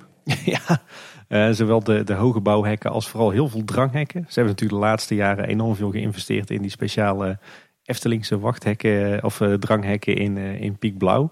Maar ze hebben er nu zoveel nodig dat het halve park ook weer vol staat met gewoon de ouderwetse ongethematiseerde dranghekken. Ja, maar toch moet ik zeggen dat het aantal dranghekken me toch nog meevalt. Ja. Zeker er zijn een paar plekken waar het enorm opvalt, zoals bij de zijingang van het Sprookjesbos. Maar er zijn ook heel veel plekken waarbij, ja, daar staan wel wat dranghekken dan. Maar bijvoorbeeld op het Ruikraakplein, zoveel staat daar niet per se aan dranghekken op het plein zelf. Waar, waar het met name staat, denk ik, is, eh, is bij horecapunten om daar wachtvakken en wachtrijen te creëren. Waar je normaal gezien hutje-mutje staat om dat nu een beetje eh, vorm te geven. Maar het viel mij ook wel mee. Eh, en ik, ik miste zelfs in de andere parken die ik bezocht heb, miste ik ze zelfs af en toe. Mist je de, wacht, de dranghekken. Ja, klinkt misschien stom, maar dan had je toch pleinen Ja. vol met mensen. En dan dacht je, goh, dit is toch wel een beetje Sodom en Gomorra op coronagebied, zeg maar. Wat dat betreft pakt Ja, de Efteling dat dan toch wat verantwoorder aan. Nou, bij de Efteling proberen ze de mensen wel meer te leiden. Eh, wat, wat me ook nog opviel is dat, eh, dat de signing, dus zeg maar alle communicatie rond corona, eh, is volgens het, de, de standaard zoals we die ook terugzien in dat protocol veilig samen uit. En dus dat is een beetje met dat, die lichtblauwe basiskleuren, de witte letters. In het protocol staat ook dat alle parken dezelfde stijl van signing gaan gebruiken, juist vanwege een stukje duidelijkheid en, en, zeg maar consistentie. Het gekke is alleen dat, dat we vervolgens volop beelden zien van andere parken, eh, zeker ook dierentuinen, die er juist voor kiezen om al die signing dan weer in hun eigen huisstijl eh, en vaak gethematiseerd uit te voeren. Dus dat is een beetje raar. Dus dan vraag ik me toch af of als, als geen van die parken zich daaraan houden, of de Efteling dan misschien ook niet gewoon weer terug moet naar Eftelingse bordjes. Ja, kijk, je hebt wel eh, die iconen set, die kunnen ze dan misschien wel aanhouden, maar dan kun je het verder wel op Eftelingse bordjes zetten natuurlijk. Ja. Ze hebben wel eh, een aantal dingen in Eftelings thema. Bijvoorbeeld A4'tjes met nummertjes die bij bepaalde attracties hangen. Die zijn dan wel gewoon in Eftelings lettertype. Ja. En met het thema ook. Maar wel bewust weer in die, eh, die lichtblauwe kleur. Hè? Ja, ja, ja. Eh, wat mij opviel tijdens ons bezoek is dat de communicatie rond corona overal alleen in het, in het Nederlands was. Terwijl er toch in het protocol was afgesproken dat, dat je over corona communiceert in de talen waarin je normaal gesproken communiceert. Dus dat zijn er in de Efteling vier, hè, Nederlands, Engels, Frans, Duits. Dat gebeurde dus niet. Het was eigenlijk alleen in het Nederlands. Terwijl er eh, in ieder geval die dag dat wij er waren her en der toch best wel wat buitenlandse gasten waren tot mijn eh, verbazing. Maar we zagen later wel beelden uit het park dat er langzaam maar zeker steeds meer borden in het Nederlands en Engels verschijnen. Ja, ik, ik, ga ervan uit dat de mensen die in dit eh, tijdperk toch een buitenlandvakantie gaan doen, dat die dusdanig avontuurlijk zijn, dat die ook wel een beetje Engels kunnen. Ja, en dan het grote ding eigenlijk, daar zijn de toiletten. Ja. Eh daar was een hoop over te doen. Het, eh, het scheidonderwerp van deze aflevering, hè, om maar even de grap te maken. Ik heb in ieder geval een hoop mensen gezien die er pisnijdig over waren. Een hoop gezeik op social media er ook over. Ja, maar eh scheid aan Tim, we gaan nou even verder. Want hoe het dus in de praktijk werkte, is dat je buitenwachtrij had met vakken. En een medewerker die staat dan uitleg te geven en die staat aan het begin van de rij zeg maar, bij het toilet. Of zelfs meestal een, een klein lekertje aan medewerkers. Ja. En je mag dus maar per huishouden naar binnen. Wat in sommige gevallen er ook op neerkomt dat je gewoon alleen een hele toiletruimte voor je hebt. De plek waar ik de grootste zien staan was denk ik bij Carnaval Festival. Daar heb je dus een, een mannen- en een vrouwentoilet eh, ruimte. En per huishouden ga je in één van die twee ruimtes. Dus nou, net degene die als eerste vrijkomt, dan mag de volgende groep naar binnen. Ja, maar het kan dus ook zo zijn dat als jij alleen eh, even moet plassen, dat je dus in je eentje een volledige toiletgroep voor jezelf hebt. Ja, en dat heeft natuurlijk alles te maken met dat je op dit moment nog niet openbare toiletgroepen open mag hebben. Dat mag pas vanaf 1 juli als alles goed gaat. Ik geloof dat het ook per park verschilt hoor, maar goed. Dat is, dat is ook weer eh, dubieus. Maar officieel, volgens de, de adviezen van het RIVM en de overheid, eh, is daar in ieder geval het plan. Dus op dit moment komen ze daar een beetje onderuit door gewoon te zeggen, je krijgt met één huishouden krijg je een toilet en dan maken we hem ook schoon. Er stonden we voor mijn gevoel bij alle toiletgroepen wel eh, inderdaad één, eh, één host of één greeter bij een toiletgroep. Eh, en, en dan stonden vaak ook wel twee personeelsleden met, met een doekje en een, en een spuit desinfectiemiddel klaar om in ieder geval de klinkjes te reinigen en de, de, de kraantjes en de bril. Dus eh, volgens mij werd er wel redelijk grondig schoongemaakt. Wij zijn één keer naar het toilet geweest en eh, dat was dus bij Carnaval Festival. Toen ben ik gewoon, omdat ik al door dat het lang ging duren, gewoon Vogelrok ingelopen. En ik heb een ritje kunnen doen voordat we aan de beurt waren. Dus dan weet je wel ongeveer eh, hoe lang Ja. ze aan het wachten waren. En ik kwam ongeveer aan toen we naar binnen mochten. Dat, dat was redelijk goed getimed. Volgens mij kwam gewoon de groep voor ons naar buiten en mochten wij toen naar binnen. Want het kan ook zijn dat er nog een medewerker bij zat die net eh, had gepoetst of zo. Ik, ik heb het niet helemaal scherp, want ik Ja. zat er niet goed op te letten. Ja, wij, wij hebben iets van eh, drie of vier keer toiletbezoek gehad die dag. Eh, dat heb je met eh, een dochtertje dat net, die net zindelijk is. Maar ja, wij, wij zijn wel tegen wachtrijen aangelopen van 20, 30 minuten. En ik had ook het idee, dat dat was bij ons eigenlijk de, de enige frustratie die dag die we überhaupt hadden. En ik had het idee dat dat zo'n beetje bij iedereen eh, de enige frustratie was. Maar ja, eh, dat werd natuurlijk vooral veroorzaakt door het feit dat je inderdaad maar met één huishouden of, eh, of dat nou één, twee of vier personen was naar binnen mocht. En dat er daarna ook nog werd gepoetst. Dat was gewoon de bottleneck. En daardoor kreeg je enorm lange wachttijden. Ja, is de minst efficiënte manier om gebruik te maken van de toiletcapaciteit die je hebt. Ja, precies. Het, het regende ook klachten overal. En ja, ik moet ook wel bekennen, het was ook wel de, de reden dat wij uiteindelijk toch een paar keer eh, ervoor hebben gekozen om een, eh, een boom op te zoeken.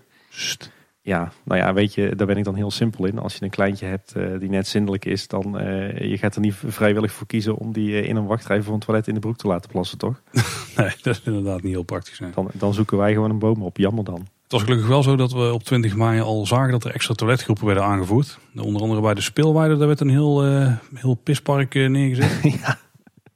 Ja, dat was wel kick-ass. Wij, wij, liepen, wij zaten toevallig op de dubbele laan toen daar ineens een heel leger van, uh, van busjes en uh, met, daarachter uh, allerlei toiletunits het park in werd gereden. Dat was iets, dat had ik niet meer gezien sinds de zomeravonden tien jaar geleden. Dat er overdag hele legers met busjes het park in mochten. Dat is normaal gesproken echt ten strengste verboden.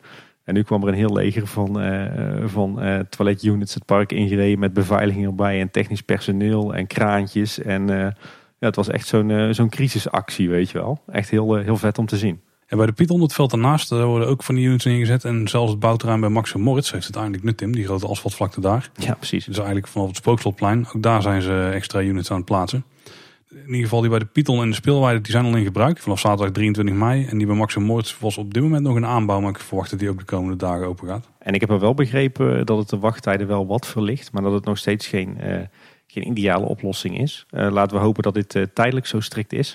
Want het gekke is wel, ik zei al eerder, ik ben ook in de Beekse Bergen en Dierenrijk geweest uh, het Hemelvaartsweekend. En het rare is eigenlijk dat ieder park zijn eigen toiletbeleid heeft, om het zo maar te, noemen.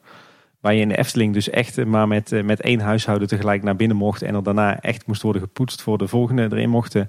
Was het bij de Beekse Bergen wel zo dat je inderdaad ook even moest wachten tot het volgende huishouden eruit kwam. Maar er werd gewoon niet gepoetst of amper. Daar, daar reed een een soort van vliegende uh, brigade rond die zo eens in het half uur of het uur een keertje kan poetsen. Dat was alles, zeg maar. Uh, daar waren de toiletten eigenlijk ook, uh, ook zelden bemand. Dan moest je het zelf een beetje, een beetje regelen. En in Dierenrijk was het helemaal ja, verschrikkelijk. Of nou ja, dat was eigenlijk zoals normaal. Daar stond gewoon een rij voor de toiletten en iedereen ging gewoon om de beurt. En niemand desinfecteerde zijn handen. En ja, dat was gewoon, ja, je zou bijna zeggen, een broeinest van corona. Nou goed, uh, ik bedoel, is, dit, de vraag is in hoeverre eh, verspreid je op die manier nou werkelijk het virus en in hoeverre moeten we ons daar nou werkelijk druk om maken. Maar ik vond het wel stuitend, want ik denk ja, als je dan alle negatieve publiciteit rond, uh, rond de toiletcapaciteit van de Efteling ziet de afgelopen dagen en je ziet dan hoe het er in andere parken aan toe gaat, ja, dan lijkt het er bijna op dat de Efteling het braafste jongetje van de klas is en daarmee eigenlijk een hoop negatieve publiciteit veroorzaakt terwijl andere parken er lak aan hebben. Dus dat vond ik toch wel bijzonder. Ja, je krijgt eigenlijk ook dat bijvoorbeeld eh, een open campings gaan wijzen naar al die parken van, maar daar kan het wel. Waar mogen wij dan niet gewoon al die toiletunits opengooien? Ik vond het, uh, vond het heel vreemd. Maar ja, aan de andere kant, safety first. Toch uh, heb ik wel begrip voor de situatie bij de Efteling. Maar misschien dat we daar de komende tijd ook wel wat versoepeling gaan zien. Ja, om even aan te geven van wat ze dan hebben gedaan op de speelweide staan dus nu zeven units. Ja. Dus je hebt daar dus 3,5 keer zoveel capaciteit als gewoon een andere toiletunit in het park. Dus dat is op zich wel prima, zeker als ze op andere plekken doen. Maar ja, als uh, de groepen mensen die ze gaan toelaten nog verder gaan opschroeven, dan, dan vrees ik dat dit toch wel de bottleneck blijft voor de komende tijd. Eens. Misschien uh, is dat uh, een mooi, mooie aanleiding om toch ook eens wat serieuzer naar het toiletaanbod in de Efteling in de permanente situatie te gaan kijken. Genoeg gezeik. We gaan verder. Wat ook opviel is dat een hoop horecapunten zijn verbouwd naar balieverkoop. Voor zover dat het niet was, want dat was ook het enige type horeca wat open was. Ja. En daarbij viel me ook op dat er heel veel extra mobile ordering was. Wij hebben gebruik gemaakt van mobile ordering bij de Smulpaap.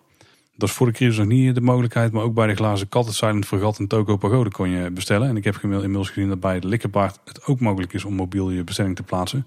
Dus dan pak je gewoon de Efteling app erbij, heb je daar de menukaart, tik je jouw eh, bestelling in, kun je hem ophalen. En ook dat werd uitgelegd door mensen die dus bij de, ja, de ingang van de wachtrij stonden van die, uh, van die afvalpunten. We hebben ook bijzonder lekkere tosties weer op bij de glazen kat. Overigens niet uh, online besteld, maar gewoon ouderwets bij de kassa je kunt nog wel gewoon bij de kassa bestellen. Ja, het zal wel, maar... Ja, nou ja, bij die, die punten die jij noemde wel. Dus de smulpaap, de kat, eh, het, eh, het silent en de toko, eh, daar wel. maar ik geloof dat bij de Likkerbaard, dus dat is niet station de Oost, maar dat is die nieuwe hamburgertent daarbuiten. Dat ze daar nu een proef draaien sinds deze week met alleen mobile ordering. Ah, oké. Wat mij trouwens nog opviel is, uh, we, we, weten dat er op heel veel plekken dus meanderingen zijn aangepast en, uh, en dat er allerlei plexigazen schermen uh, zijn neergezet. ik was er heel erg bang voor dat die allemaal heel erg tijdelijk eruit zouden zien en heel erg slordig. Maar het verbaast mij echter in positieve zin dat die allemaal best wel netjes zijn uitgevoerd. Heel veel van die plexiglazen constructies zijn uitgevoerd in, in heel rank staal, heel netjes. En als ze in hout zijn, dan, dan zijn ze vaak eh, in kleur geschilderd van eh, de constructie waar ze op staan. Dus dat, dat zag er echt allemaal heel erg netjes, professioneel en, en bijna semi-permanent uit. Dat, dat viel mij niks tegen. Dat zag er veel beter uit dan de beelden die we eerder uit het park hebben gezien. Ja, het plexiglas dient inderdaad om mensen van elkaar te scheiden in wachtrijen. Dus als je een stuk hebt, meandering hebt waar je dus langs elkaar moet. Bijvoorbeeld bij de Oude Tuffer, maar ook bij Vogel, ook bij die slinger erachterin. Dan staan op die plekken staan dan van die wandjes. En die zijn of van plexiglas of van een soort ja, stevig uh, kunststof doek, zeg maar, wat ook transparant is. Ik heb er verschillende varianten gezien. Ook best wel een slimme en snelle manier om dat te fixen. Ja, uh, verder nog wat dingetjes. De single rider lines en de baby switch die zijn overal buiten gebruik. dus je kunt overal alleen gebruik maken van de, de standby line. en in winkels is het advies eigenlijk dat je alleen het product aan mag raken dat je wilt kopen. Dus als je het eenmaal hebt vastgepakt, dan moet je het gewoon meenemen. En ook opvallend bij buitenlandse parken, zoals bijvoorbeeld Europa Park, maar ik denk alle parken in Duitsland. Daar is het verplicht om mondkapjes op te hebben in attracties. En bij de Efteling is het zelfs verboden om mondkapjes in de achtbaan op te hebben. Ik eh, denk eerlijk gezegd vanwege het gevaar dat ze, dat ze loswaaien en uh, bij andere mensen in het gezicht komen. Of dat ze in, uh, in draaiende delen terechtkomen. Ik kan me zomaar voorstellen dat het heel veel negatieve gevolgen kan hebben. Ik denk dat ook inderdaad de reden is, ja. ja. En, en bovendien, je draagt eigenlijk alleen een mondkapje, eh, tenminste in Nederland, als eh, je die anderhalve meter echt niet eh, kan garanderen. Die anderhalve meter afstand tussen personen. En in principe worden de attracties in de Efteling nu zo gevuld dat je altijd anderhalve meter tussen huishoudens hebt. Er zijn ook wat aanpassingen voor minder valide gasten. Er waren al een aantal attracties waar je dan niet in kon. maar nu kun je ook niet in de Vliegende Hollander, Fata Morgana, Gondoletta en die Piranha. De VR-ruimte van drones is ook niet toegankelijk voor minder valide. En bij andere attracties kan het personeel niet helpen bij in- en uitstappen. Dan moeten de begeleiders dat doen. Dus hou er even rekening mee als je naar het park gaat. Ja, en ik denk dat dat ook de reden is dat bijvoorbeeld eh, de Hollander, de Fata Morgana, Gondoletta en Piranha niet open zijn uh, voor minder valide. Uh, omdat je daar eigenlijk altijd personeel uh, per se nodig hebt om mensen op een veilige manier in te laden. en ja, aangezien je dat direct contact niet wil, is dat dus gewoon niet mogelijk nu. Ja, allemaal waterattracties toevallig ook. Hè? Zal ik met ontruimen te maken hebben, denk ik. Ja, ja daar heb je wel gelijk in, ja. En qua entertainment, Jokie en Jet die treden nu op in het Sprookjesbos Theater. Dat zijn nog wel de one-man shows. Ja. Weet jij toevallig, uh, want jij bent een groot fan van de Sprookjesboom show. Ja, zeker. Ik zit er altijd vooraan. Weet je toevallig of dat uh, de, de, show van Jokie en Jet uh, dan wordt afgewisseld met de gebruikelijke Sprookjesboom Ik heb geen enkel idee. Volgens mij is die ook nog gewoon in het Sprookjesbos Theater op dit moment. Volgens mij wisselen die twee elkaar af, ja. Nou. Ja. Aquanura die start weer vanaf 12 juni. Die is nou ook in onderhoud. En de Eftelingwoners die staan op het balkon van, huis van, van het Huis van de Vijf Zintuigen. Niet meer op het, uh, het Warrelplein. En op dit moment is er geen Karo en Ravelijn. Het lijkt er trouwens wel op dat, uh, dat Ravelijn over niet al te lange tijd uh, open kan gaan. want we, ik zag vandaag wat foto's dat er ook bij Ravelijn al gewerkt wordt aan de rood-witte bestikkering. De vakken met, met nummertjes. Dus het, eh, het, het, moet, het kan niet al te lang meer duren, denk ik, voor die show weer gaat draaien. Ja, misschien is een issue daarna hoe de acteurs daar met elkaar omgaan. Want die kunnen onderling natuurlijk niet anderhalve meter garanderen. Maar misschien hebben ze daar uh, nog wel regels voor. Misschien wonen ze allemaal in één huis, ergens een kaatsheuvel. één huishouden. Geregeld, hè? ja, nou ja, misschien zitten ze allemaal op de camping, hè? Ja, ja, ja. Dat zou ik niet kunnen. Misschien hebben ze mondkapjes uh, op, dat past wel onder die helmen toch? Oh ja, er zijn wel een aantal die wel prima kunnen, ja. Misschien krijgen we nieuwe outfits voor uh, de ruiters. Ja, er zijn ook wat maatregelen en die zijn dan voor de bezoekers onzichtbaar, maar die vinden eigenlijk plaats in de organisatie van de Efteling. Eh, er was een video eh, via Loopings tevoorschijn gekomen waarin wat managers vertellen over maatregelen die ze voor het personeel treffen. Of eigenlijk waar het personeel in mee moet gaan om, uh, ja, om het park te helpen. Een van de maatregelen is dat het Efteling personeel geen gebruik meer kan maken van een Efteling abonnement wat ze bij hun, ja, bij hun medewerkerschap krijgen. En dat geldt ook voor de rest van het gezin zoals de Efteling zelf zegt, zijn financieel ongekend zware tijden. Er wordt amper wel verdiend, dus er moet ook in de kosten gesneden worden. En het liefst gooien ze er geen mensen uit. Dus dan eh, proberen ze dan op andere manieren de kosten wat terug te dringen. En natuurlijk ervoor te zorgen dat er zoveel mogelijk mensen in het park gewoon kunnen. Want ja, als je het park vult met eh, medewerkers die eh, geen dienst hebben op dat moment, dan kunnen er geen betalende bezoekers in. Dus ik snap wel wat daar vandaan komt. Ja, maar ik denk wel dat het toch wel inhakt hoor. Als je gewend bent, zeker als je een gezin hebt en je bent gewend om, om wekelijks even gratis een dagje de Efteling in te lopen met, met partner en kinderen. En dat kan ineens überhaupt niet. En je moet ervoor gaan betalen. Dat hakt er denk ik toch ook wel in hoor. Als je eh, bij de Efteling werkt eh, en jezelf drie slagen in de ronde werkt om het park weer eh, op de been te krijgen. Ja zeker. We hebben het gehoord in onze aflevering over werken bij de Efteling. Dat het een van de grootste secundaire arbeidsvoorwaarden die ze kennen. Ja, inderdaad. Dus ik denk dat er best wel een offer is wat wordt gevraagd van het personeel. Maar ook wel begrijpelijk. En ook werd gevraagd om maximaal twee vakantiedagen over te houden aan het eind van het jaar. Ik heb even gecheckt hoe dat nou zat, wat daar dan het voordeel van is. Want daar hield de Efteling blijkbaar geld aan over vakantiedagen die kun je in theorie in de toekomst nog laten uitbetalen. En als je zorgt dat er niet heel veel over zijn, dan hoef je die reservering niet vast te houden. Dus dat is wel positief voor de balans. Ja, bij mij, bij mij is dat nooit zo'n probleem om uh, geen vakantiedagen over te houden aan het eind van het jaar. Uh, volgens mij ben jij, er wel, ben jij er wel goed in, ja. ja. Uh, en ze hebben ook nog aangegeven dat ze zo min mogelijk nieuw personeel aannemen. Het is het extra beroep gedaan op de flexibiliteit en beschikbaarheid om zo min mogelijk extra kosten te maken. de vraag is natuurlijk wel of dat ze, als ik zie wat nu de de extra bezetting was op attracties en horeca en in het park. Uh, of ze dan in de zomer genoeg personeel hebben. Zeker als ze gaan werken met, uh, met twee shifts. Daar gaan we het dadelijk nog, uh, nog over hebben. maar wij hadden eigenlijk wel een ideetje daarbij. is, het, is het geen idee, ook gezien de, de, financiële uitdaging die de Efteling nu heeft... om bijvoorbeeld van de zomer met vrijwilligers te gaan werken? Je ziet dat al heel veel in, in, in dierentuinen. Wat is er nou leuker dan dat je als Efteling zegt van joh, eh, draag je de Efteling een warm hart toe, eh, maar werk je hier niet. Uh, dan krijg je nu een, de buitenkans om deze zomer een paar dagen of een weekje of een paar weken op vrijwillige basis bij ons park te komen werken. je laat die mensen bijvoorbeeld host zijn of assisteren of, of geef ze een, een leuk baantje waar ze niks verkeerd kunnen doen. en dan snijdt het mes denk ik aan heel veel kanten. Eh, want ik denk dat, eh, dat er heel veel Efteling-liefhebbers zijn die, eh, die het maar wat leuk vinden om een paar dagen of een paar weken heel low profile bij het park te werken. En als Efteling heb je dan toch handjes wat je ge- geen euro kost. Of in ieder geval wat je bijna niks kost. Ja, oké. Dit is er een waar ik dan bij op twee gedachten hing, Tim. Om even jou te quoten. Ik snap het idee wel, ja. Ik denk dat er wel mensen zijn die er ergens iets voor voelen. Maar ik denk dat de meeste mensen bij de Efteling toch denken van dat is het bedrijf en dan wordt gewoon geld verdiend. En dat bij het dierenpark en zo toch iets meer de verzorgen van die dieren dan meespeelt in... En dat je daar iets, dat je daarvoor iets meer doet dan dat er ja, in ieder geval een positief bedrag aan het eind van de streep overblijft. Ja, maar goed, in, in functies hè, zoals eh, zo'n zo'n host bij de ingang van een attractie. Of eh, op een pleintje staan in, eh, in de informatievoorziening. Dat zijn toch wel typische vrijwilligersbaantjes. Ik bedoel, die, die zijn niet heel zwaar. Het, het is mooi meegenomen als je toevallig al heel veel kennis hebt van de Efteling. Ik zie dat echt wel, wel plekjes waar je geen eh, duur Efteling personeel voor inzet. Maar juist gebruik gaat maken van, eh, van mensen die altijd alles eh, bij de Efteling hadden willen werken. Ik denk dat daar best nog wel markt voor is. En dat dat best voor de Efteling nog wel een deel van dat personeelstekort op kan gaan lossen. Ja, ik vraag me af in hoeverre een personeelstekort ook echt aan de orde gaat zijn. Zeker als ze dadelijk, als iedereen wat meer gewend raakt aan de manier hoe het gaat. En als de personeelsleden die er nu staan weten hoe het werkt. En ik weet ook niet of dat het per se goede pers op gaat leveren. Ik denk dat er best wel mensen enthousiast voor te krijgen zijn. Maar denk dat het toch wel heel erg met een vingertje nagewezen gaat worden door eh, deze en gene. Ja, maar goed, het is op vrijwillige basis. Het is geen dwangarbeid. en de, Efteling gaat straks in, in juli en augustus twee maanden lang eh, eh, dag in dag uit van 9 uur s ochtends tot 11 uur s avonds open zijn, hè Paul? Dat is zeker waar, ja. ja. Dus ik, eh, ik vind het wel een ding. Zou, zou jij het doen? Ja, ja, ja, het lijkt me op zich wel geinig, maar hm, ja, ik weet niet. Ik denk dat het uiteindelijk in de planning weer niet in te passen is.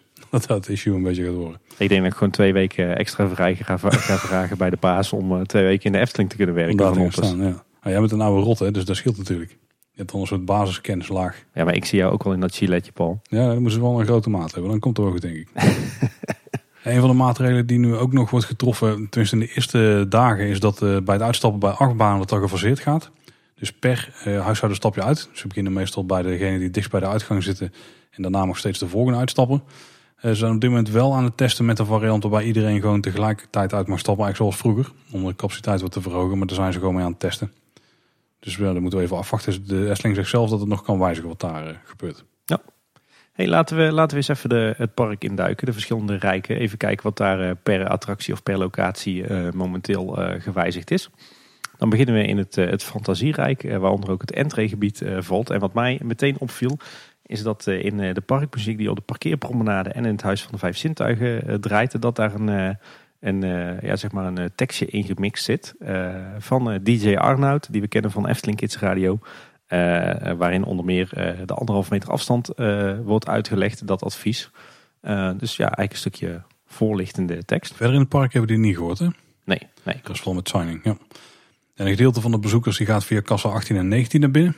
Dus dat is aan de zijkant. Ja, daar zijn ook een paar extra keetjes van, eh, van boels neergezet. Eh, waarschijnlijk om, eh, om het personeel daar veilig te huisvesten. En, en als je dus aankomt staan er, staan dus ook Roodkapje en Assepoester en Ridder Thomas op het balkon van het Huis van de Vijf Zintuigen.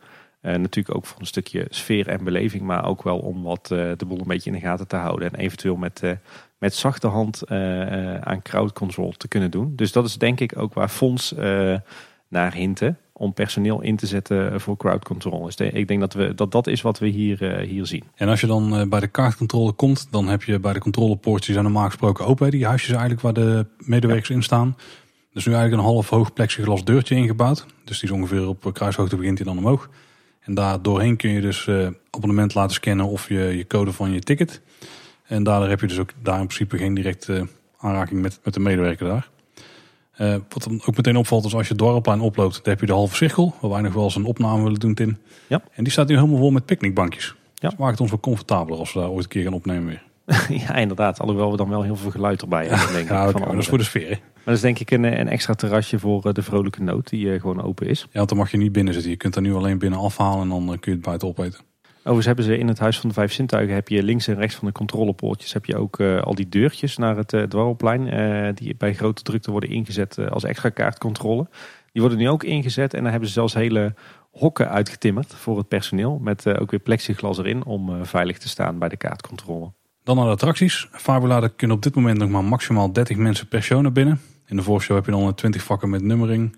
En daar kun je dus per huishouden gaan inzetten. Maar als de 30 personen is bereikt, dan stoppen ze gewoon met mensen erin stoppen. En hetzelfde geldt dan voor de hoofdshow. Uh, in Symbolica zijn ook de nodige aanpassingen gedaan. En daar mogen maar zes hu huishoudens per keer in de voorshow. Uh, in de meandering heb je natuurlijk die rood-witte lijn. Maar op het moment dat je op het podes komt, dan uh, zijn daar zes vakken gemaakt. waar je dus met zes huishoudens in kan gaan staan. En die vakken die komen ook weer terug in de voorshow. Met je OJ punctueel en Pardoes. En in de rest van de meandering tot het station. je loopt dan niet via het normale trappenhuis, maar via het trappenhuis van de Single Rider Line. Uh, en daar word je dus ook stilgezet op nummer. En vervolgens word je, word je geroepen door de medewerker uh, die je als huishouden in een voertuig zet. Je komt dus ook nooit met, met meerdere huishoudens in één fantasievader. verder staan er in de voorshow bij OJ Punctueel hoge plexiglazen schermen op de wachtrijhekken. op zich best netjes gedaan. en in de attractie slaan ze af en toe een fantasievader over om genoeg afstand te houden. En eh, het winkeltje bij de uitgang van Symbolica is eh, gesloten en is ook helemaal leeggeruimd om daar eh, opstoppingen te voorkomen. Ja, je kan denk ik niet kiezen voor welke tour je, je gaat. Hè? Dat wordt gewoon, nee. daar moet je gaan zitten en daar zitten. Klopt inderdaad. Het was nog wel wat onduidelijkheid, want als je dus stil komt te staan voor de instap, dan sta je in zes vakken. En wij stonden toevallig in vak 2. maar vak 1 is dan op een gegeven moment leeg, want dat huishouden dat, dat stapt dan in een fantasievader. En als bij mensen even twijfel van, ja, moet je dan allemaal één vak opschuiven of moet je in je vak blijven staan tot je geroepen werd? Dus dat mogen ze nog even stroomlijnen. Uh, inmiddels staat er overigens op het Hartenhof, dus op het plein voor Symbolica, wel een uh, blokhutje met uh, souvenirverkoop. Dus waarschijnlijk is dat in plaats van die winkel aan de uitgang van Symbolica. En de normale buggystalling van Symbolica die is gesloten. Maar ze hebben nu een buggystalling geïmproviseerd tegen de haag van Pols Keuken. Dus die is nu zeg maar recht tegenover de, de ingang van de attractie. En het grappige is eigenlijk dat hij veel beter werkt dan de buggystalling zoals we die normaal gesproken uh, zien. En Polles Keuken is op dit moment nog gesloten. En Pardoes en Pardani lopen ook niet rond over uh, of door het fantasierijk. Dan gaan we naar andere rijken en dan komen we bij uh, Fata Morgana uit. Daar heb je één huishouden per boot. Dus je hebt altijd een, een bootje voor jezelf. de voorste en de achterste rij zijn afgesloten. En de boot wordt na iedere rit gereinigd. De meandering die is fors aangepast zoals we al zeiden. Uh, ze hebben ervoor gezorgd dat er telkens één of mindere lege rijen uh, tussen de rijen worden gehouden. Daarvoor hebben ze de, de wachtrij flink te grazen genomen. Er zijn stukken uitgeslepen, er zijn nieuwe stukken tussen gelast en ook meteen op kleur geschilderd. Dus dat hebben ze wel heel netjes gedaan. Ja, eigenlijk is, is Fata dus een hele mooie privé-ervaring. Ja, dan Piranha. Daar hebben we natuurlijk die boten, die kunnen tegen elkaar botsen. In het begin hadden we daar een redelijk strikte policy. Er werden steeds drie boten leeggelaten en dan eentje gevuld. Ook met één huishouden neem ik aan. maar dat is vanaf 19 mei al teruggedraaid. En dan vullen ze volgens mij gewoon iedere boot met één huishouden. Ja, dan Spookslot. Daar is alleen de tweede tribune open. En ook daar heb je van die genummerde vakken. En looplijnen in de voorshow. En de verlichting staat wat beter aan, zodat je ook die lijnen kunt zien. Want het kan wat donker zijn hè, daar bij de gang in het begin doet wel een klein beetje afbreuk aan de beleving daar natuurlijk, maar is heel begrijpelijk. En misschien moet het daar voor UV-tape gaan of zo. Dat je daar de witte vakken mee aan. Ja, van die uh, fluoriserende tape, ja. Dan Ruigrijk. Uh, in de Vliegende Hollander uh, zijn ook slechts twee rijen per boot in gebruik. natuurlijk weer voor één huishouden. Het, het instapstation, dat mooie havenstadje, dat staat echt vol met allerlei staalconstructies gevuld met plexiglazen schermen om uh, geen contact tussen bezoekers onderling te hebben en ook geen contact tussen bezoekers en personeel. Dat is echt zo'n uh, zo'n spiegeldolhof geworden, zeg maar. Van vroeger. Is het trouwens daar ook zo dat, um, dat heb ik bij veel attracties gezien, dat die plexiglasplaten alleen maar op ja, zeg maar, kruishoogte en hoger zitten, of bovenbeenhoogte en hoger. Eigenlijk gewoon op de rekken, zeg maar, en dat de onderkant gewoon open is. Is dat daar ook? Nou, volgens mij hadden ze daar ook echt uh, zeg maar manshoge plexiglazen platen op sommige plekken. Volgens mij hadden ze allebei daar. Van, ja, ik kan me wel voorstellen dat als mensen in een boot zitten en die gaan dan langs de kade, dat je dan wel dus op die kniehoogte ook uh, ja, kunt kuchen. ik neem aan dat daar de reden is dat ze vooral hoog zitten op andere plekken. En daar misschien dan ook laag. Ja. Uh, overigens is de buitenmeandering van de Vliegende Hollander echt fors uitgebreid. Die kronkelt nu helemaal over het plein. Dat is natuurlijk omdat ja, om, om te, ervoor te zorgen dat je evenveel mensen kwijt kan als in de oude situatie. Maar nu met iedere keer anderhalve meter ertussen. Uh, en hij wordt zelfs over, uh, ja, over de terrassen geleid, zeg maar. Over het, uh, het balkon langs de havenhuisjes. Ja, dat is wel tof hè? Ja, heel gaaf. Bron 1898, daar hebben ze de garderobe dicht gedaan. Tassen die moeten dus in een kluisje. En let trouwens op, want volgens mij moet je daar een euro voor bij hebben. Ze raden overal aan contactloos te betalen, maar je moet je gewoon nog een, een contant muntje erin gooien. Ik vraag me ook af dat die kluisjes tussendoor worden gekuist. Oeh, ja, dat, weet ik ook niet. Dat is een goeie. Verder in de meandering zijn volop eh, bouwhekken. Om ook weer mensen van elkaar te scheiden. Er is geen splitsing meer tussen rij 1 en rij 2 en 3. Uh, dan word je denk ik gewoon van de plek waar je staat in de rij word je daarop ingedeeld. Ja. En de voorshows die draaien doorlopend. Uh, je hebt er wel plexiglas schermen op de hekken in de voorshows. En volgens mij wacht je nu bovenaan de trap en word je dan op, de, op je plek neergezet waar je mag gaan zitten. Er zijn wel een beetje aan het experimenteren met hoe ze mensen indelen in treinen. Eerst het zo dat echt de middelste rij eigenlijk altijd leeg was. Maar in de loop van de week zijn ze volgens mij ook gaan testen om daar ook uh, gezinnen neer te zetten als, het, als die anderhalve meter kunnen garanderen. En de uitgang die loopt dan ook via een andere route. Die gaat namelijk via de minder valide uitgang. Dus aan de achterkant van het gebouw langs. Langs de remise kom je dan waarschijnlijk omdat de reguliere uitgang te veel uh, op elkaar gepropt is uh, en te veel contactmomenten. Ook bij Joris en de Draak zien we heel wat plexiglazen schermen in de wachtrij op het station. En er zijn daar zelfs extra hokjes gebouwd van plexiglas om het personeel te beschermen. En bij de Oude Tufferbaan vinden we in de wachtrij ook van die plexiglazen schermen op de wachtrijhekjes. Met name in die, die lange slinger die je eerst maakt om dus dat contact tussen mensen te voorkomen.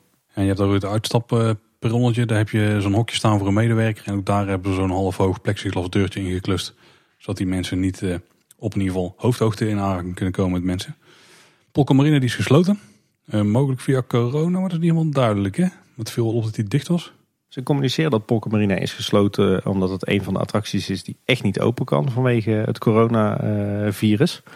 Alleen ik vraag me dat af hoor. We, we kennen natuurlijk die, uh, de toch wel vrij sterke geruchten dat uh, zou gaan verdwijnen. Een grote onderhoudsbeurt die de attractie echt wel nodig is, die is op het laatste moment geannuleerd. De attractie ligt er nu ook een beetje verveloos bij, letterlijk en figuurlijk. Dus ik vraag me af dat dit nou werkelijk wat met corona te maken heeft. Of dat er is gewoon is gezegd van die attractie is afgeschreven en die houden we dicht. En we gaan er geen euro in steken om om daar anti-corona maatregelen te nemen. Ik, ik denk dat dat het geval is. Dus dat we toch op, de, op korte termijn wat gaan horen over de toekomst van die attractie. Ik kan me daar wel voorstellen dat als je staat te wachten in een wachtrij buitenom, dus, de, dus buiten, dus voordat je ja, naar de binnenring gaat, zeg maar. En er zitten mensen in de bootjes aan de buitenkant van het bootje, dat dan anderhalve meter, dat je dan misschien wel aanraakt. Dus ik kan me ook wel voorstellen dat, dat er wel iets in zit over die anderhalve meter. Maar binnenkort nieuws over Polka ik zou er ook niet van staan te kijken. Nee. Het Schelpenpad van Bron 1898 naar de Vliegende Hollander, dat is eenrichtingsverkeer geworden. Ik dacht dat die in eerste instantie zelfs dicht was, maar daar hebben ze dan dus een aanpassing in gedaan. Ja, klopt. En uh, wat leuk is, is dat uh, Station de Oost uh, momenteel fungeert als extra personeelsrestaurant. Ah, die hebben ze helemaal leeg, want dan kun je ook niet uitstappen, hè? Met de stoomtrein. Nee, dat is dicht. de trein die rijdt echt, de stoomtrein rijdt echt een volledig rondje.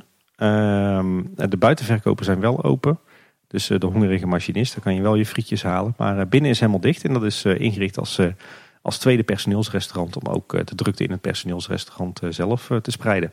En bij het kinderspoor hebben ze eigenlijk ook gewoon de inmiddels standaard rood-witte lijnen toegepast en schermpjes waar nodig. Dan gaan we door naar Reisrijk, Tim. Ja, het uh, kinderavonturendoolhof is gesloten. omdat het eigenlijk niet, ja, niet veilig te maken is in het kader van corona. Is ook wel begrijpelijk. Je kan moeilijk plexiglazen schermen tussen al die, die hagen zetten en over rood-witte lijnen in het doolhof plakken. Nou, ze hadden pogingen gedaan om de hagen zelf een soort afscherming te laten zijn, maar die waren toch te door en er zaten te grote gaten in, dus daar was niks meer aan te redden. Bij uh, Vogelrok uh, hebben ze van die hoge bouwhekken geplaatst op zeg maar onder de vogel richting de in-uitgang. Om daar de mensen gescheiden te houden, is ook wel nodig. in een binnenmeandering hebben we op verschillende plekken van die hoge plexiglazen schermen op de hekken gemonteerd. Er zijn nummers bij de poortjes aangebracht. En eindelijk staat ook bij Vogelrok een, eh, een echte grouper. Echt ja, hij is nu ook wel nodig. Want die zet je gewoon op de, de plek waar je mag zitten. En die zorgt ervoor dat je dus gescheiden bent per huishouden op minstens anderhalve meter. In de praktijk komt er volgens mij op neer dat er gewoon één zitje vrij blijft. En uh, ik las dat er maar twee treinen op de baan staan. Uh... Nou, toen ik erin ging was er zelfs maar één op de baan. Maar ik had wel het idee dat er makkelijk twee aankonden. Want het, de capaciteit was best aardig voor het aantal mensen wat erin ging. Oké. En ja, uitstappen ging dus per gezelschap. Uh, alleen momenteel wordt dus ook daar geëxperimenteerd met toch gelijktijdige uitstap. Bij de gondoletta hebben ze op zeg maar de hele brugconstructie naar de draaischijf hebben ze van die plexiglazen schermen tussen de in- en de uitgang geplaatst. En je mag ook maar met één huishouden in een bootje. Dus daar heb je een mooie privé rondrit. Ja, en bij de pagode maak je een grote ronde door de volledige meandering. In de tempel zijn er dan vakken met nummers gemaakt, om en om per bank. Bij Carnaval Festival hebben ze in de, de meandering onder de overkapping ook weer een veilige looproute gemaakt met rood-witte strepen. En ze hebben iedere keer minimaal één rij overgeslagen. Dus ook daar is weer flink geslepen en gelast. Op de, de loopbrug zeg maar over de draaischijf naar het instapstation. Daar hebben ze ook weer van die plexiglazen schermen neergezet om de in- en de uitgang te scheiden. En er wordt telkens één of meerdere karretjes overgeslagen bij het inladen van de rit. En het winkeltje bij de uitgang, confetti, is ook gesloten en helemaal leeg gehaald. net als bij de uitgang van Symbolica. Dus waarschijnlijk ook daar vanwege een stukje doorstroming en het voorkomen van opstoppingen. Ja, wat sowieso het geval is dat alle actiefoto's dus uitstaan. Dan kan ik te maken hebben natuurlijk met het failliet gaan van, uh, van Pixel. Maar ook gewoon om de doorstroming te bevorderen lijkt me. Want anders gaan mensen er allemaal weer ouderwets klassiek kijken naar een foto. En dat schiet natuurlijk niet echt op. Uh, bij daar is het instappen per kookpot. Dus uh, de achterste kookpot die wordt als eerst gevuld. En dan vullen ze zo de kookpotten naar voren. En eigenlijk geldt hetzelfde bij het uitstappen. Dan beginnen ze ook met degene die dichtst bij de uitgang zit. En dan laten ze de mensen om en om uitstappen voelde er niet echt efficiënt. Dat kan denk ik wel wat handiger door mensen gewoon via de buitenring te laten weglopen. Maar ja, krijg het maar eens georganiseerd. Dan heb je er ook wel extra medewerkers nodig, denk ik.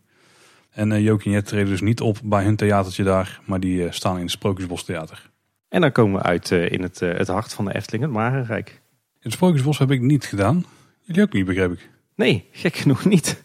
Terwijl ik van tevoren had gedacht dat het zo'n beetje de eerste plek zou zijn waar we naartoe zouden gaan. Maar ja, misschien dat het ook een, een, een, beetje een keuze was voor efficiënt tijdgebruik. Zoveel mogelijk attracties in uh, zo weinig mogelijk tijd of zo. Maar ik begreep al wel van de kids dat ze de, de volgende keer toch echt eerst in het Sprookjesbos willen. Kijk, het hele bos is nu eenrichtingsverkeer.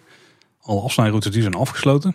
De ingang van het in- en uitgang bij het dwarrelplein, dus bij de spoorwegovergang, dat is dan de uitzondering. Daar heb je dus die in- en uitgang met uh, de dranghekken ertussen. hekjes worden regelmatig gereinigd. Er is ook eenrichtingsverkeer in de sprookjes, waar je binnen kunt komen. Rookplekken die zijn afgesloten. Er is een wachtrij gemaakt voor de Indische waterlelies. En de medewerker binnen die plaatst dan bezoekers ook weer in verschillende vakken. Er zijn er dus vier, dus vier huishoudens tegelijk kunnen naar binnen. Een beetje net zoals vroeger hè? Ja, behalve die vakken dan. Dat had je ja. natuurlijk niet.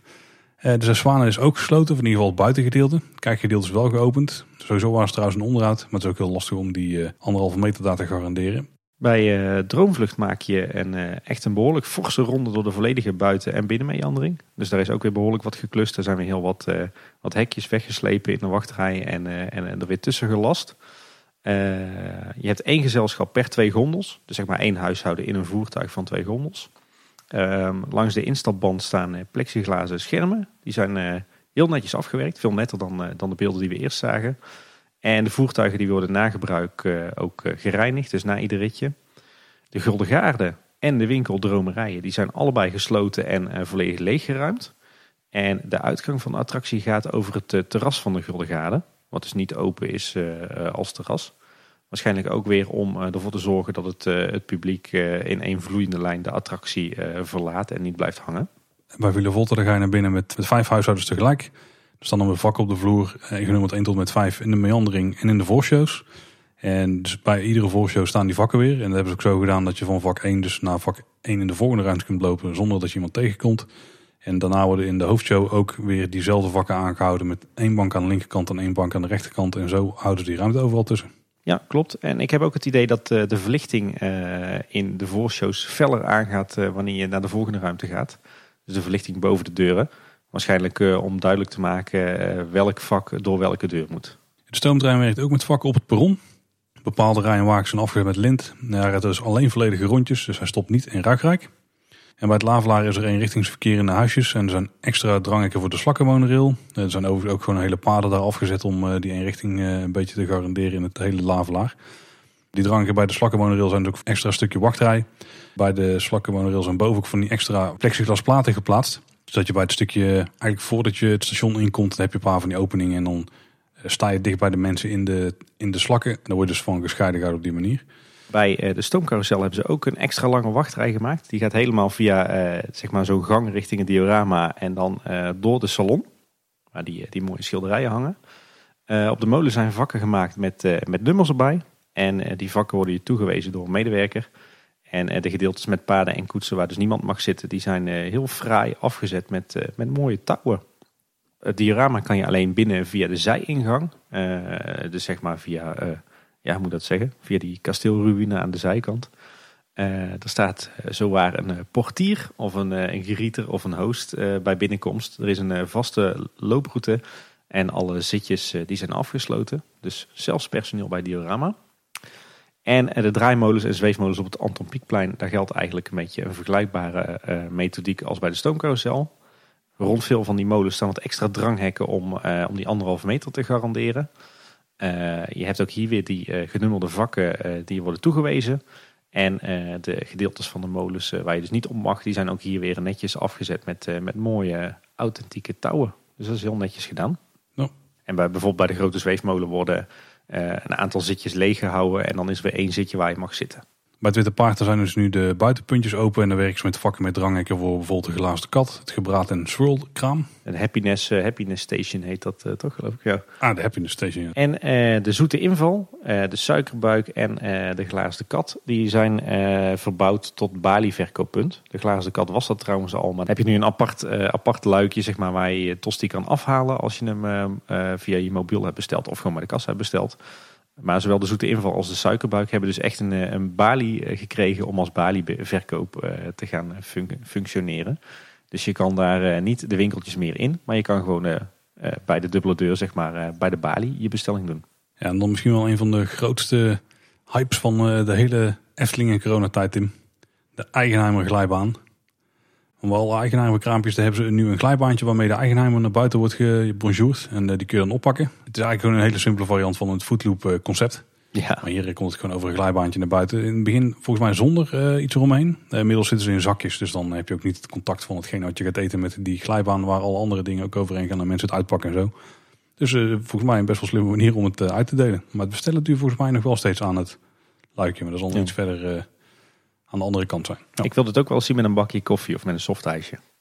een bak friet die dan eruit wordt ja. Ja, en dan zijn we zo'n beetje het hele park rond, hè Paul? Ja.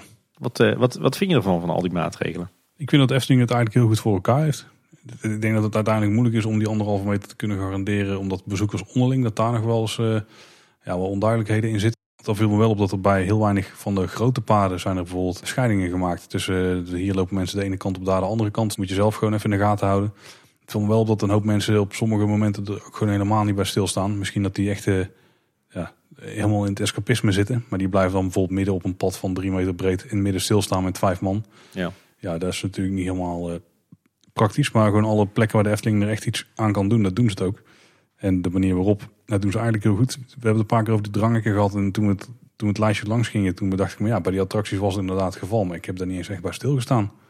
Nee. dat het dan bij hoort of zo. Bij Vogelrok dan, dan loop je naar buiten en dan ben je, ben je er niet echt mee bezig van, oh, hier staat geen mooi gethematiseerd uh, wandje. Maar het is gewoon, ja, een afze het is gewoon een, een, doek tegen een hek aan. Maar om een of andere reden kon je daar best wel makkelijk doorheen kijken, vond ik. Ja, ja het voordeel van plexiglas, hè? Daar kun je wel doorheen kijken, inderdaad. En het is, het is op sommige punten in de wachtrij is het even wel onduidelijk van, uh, weet je wel, je van die momenten dan staat iemand in een wit vak, die wil gaan lopen omdat het volgende witte vak vrijkomt. Maar die mensen die daarin, daaruit zijn gelopen, die konden eigenlijk nog niet in het volgende witte vak gaan staan. En dan is het heel moeilijk dat iedereen weer terugschuift, zeg maar. Dus ja, dan moet je even gewoon op een gepaste afstand wachten, inhouden, zeg maar. Ja. En dan uiteindelijk lost zich het allemaal zelf op. Ik vond dat het uh, eigenlijk allemaal best goed werkte en dat ze goed voor elkaar hadden. Uh, en dat het ook niet Kijk, op sommige punten dan, ja, dan doet het echt wel af aan de Efteling ervaring. Maar ik vond het veel, veel minder dan ik van tevoren had verwacht. Ja, daar ben ik met je eens. Ik, uh, ik moet zeggen dat de Efteling het echt goed voor elkaar heeft. Echt meer dan voldoende maatregelen genomen. die volgens mij meestal ook wel effectief zijn, want iedereen houdt zich er wel netjes aan. best wel streng. geeft aan de ene kant wel een heel veilig en verantwoord gevoel. Ik, ik heb me eigenlijk geen enkel moment druk gemaakt om corona. Nou zit dat toch niet echt in mijn aard, maar goed misschien zelfs wel een beetje te streng of te goed. En de dag erop boodschappen gaan doen maar de Jumbo. En daar struikel je dan over uh, de gezinnen die, uh, die boodschapjes gaan doen. De bejaarden die met elkaar op een kluitje staan om te buurten. Met, met mensen die, die echt totaal geen rekening meer houden met die anderhalve meter afstand. En als je dan net uit een Efteling komt waar het allemaal zo streng en goed geregeld is. Dan, dan moet je best wel even slikken. Dus dan denk je van wow, de Efteling heeft het echt wel goed voor elkaar. En wat ik al eerder zei, je merkt ook in een Beekse Berg en in het dierenrijk dat ze daar wel wat maatregelen hebben genomen. Uh, voornamelijk dan rond de entree en, en het parkeren en toiletten en horeca. Maar uh, bijvoorbeeld uh, alle kijkplekken bij de dierenverblijven, ja, daar, daar, staat ook iedereen op een kluitje bij elkaar. En uh, de, daar is geen enkele maatregel genomen om, om groepen te scheiden of om anderhalve meter te garanderen. Terwijl in de Efteling zie je bij iedere attractie, bij iedere horecapunt, op sommige pleintjes, op sommige wegen, overal is naar gekeken. Dus ja, ik denk dat de Efteling het bijzonder goed voor elkaar heeft, zonder dat het inderdaad echt heel veel afbreuk doet aan de beleving je, je, je leert er ook wel een beetje doorheen kijken, denk ik. Ook misschien omdat je uh, al gewend bent aan al die anti-corona maatregelen. Maar uh, nee, er is nog voldoende moois te zien in het park. ja, wat het denk ik compenseert. Wij, wij hebben in ieder geval echt gewoon een, een, een prima dag gehad. Maar goed, dat heb ik al, al heel vaak gezegd deze aflevering. waar ik namelijk een hele prima dag had. Ik weet niet hoe het in de dagen daarna eraan toe ging. Maar ik heb wel veelal positieve geluiden gehoord. Het, enige wat mij wel een beetje zorgen baart is van eh, wat kost dit nou allemaal wel niet, weet je wel? Het, natuurlijk de, de aanleg van hè, al, die, al die extra hekken en al dat extra plexiglas, maar vooral al die extra personeelsinzet. Hoe lang houdt de Efteling dat vol, weet je wel? Het kost enorm veel, maar er komt tegelijkertijd ook bar weinig geld binnen. Want je merkt toch nu dat, omdat er alleen wat buitenverkooppuntjes open zijn, dat mensen veel minder consumeren. Vaak ook zelf hun eigen lunch uh, meenemen. Toch thuis gaan avondeten. Uh, bijna geen omzet. Heel veel extra kosten. Ik vraag me af dat dit, hoe lang ze dit gaan volhouden bij de Efteling hoor. Nou, ik denk dat het makkelijker vol te houden is dan het park gewoon dicht houden. Want nu krijg je in ieder geval nog wel wat geld binnen. Ondanks dat er kosten tegenover staan. En ik denk dat, ook dat die situatie ook wel... Ik denk dat ze nu wel echt verlies maken. Dat het nu niet rendabel is. Maar dat in de loop van de zomer wel gaat wijzigen als er, eh, ja, als er gewoon en meer mensen gaan komen. Als dat allemaal gaat werken in de praktijk. En als er uh, meer horeca bijvoorbeeld open gaat. Want dan krijg je daar een hoop meer inkomsten op. Ja, die missen ze nu vooral denk ik. Ja, misschien dat inderdaad sommige maatregelen ook wel verder versoepelen hoor.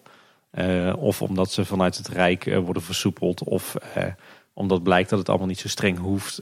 of dat de veiligheidsregio minder streng is. Ehm, ik zie dingen ook nog wel versoepelen. En dat, we, dat het uiteindelijk meer een kwestie wordt van eigen verantwoordelijkheid en een eigen inspanning van de mensen om die afstand te behouden. Alhoewel je daar natuurlijk ook weer je vraagtekens bij kan zetten. Het viel me trouwens wel op dat aan het eind van de dag nog best wel een flinke rij stond bij uh, Efteldingen. Oké. Okay. Wat toch een hoop mensen die daar nog patiënten wilden afgooien.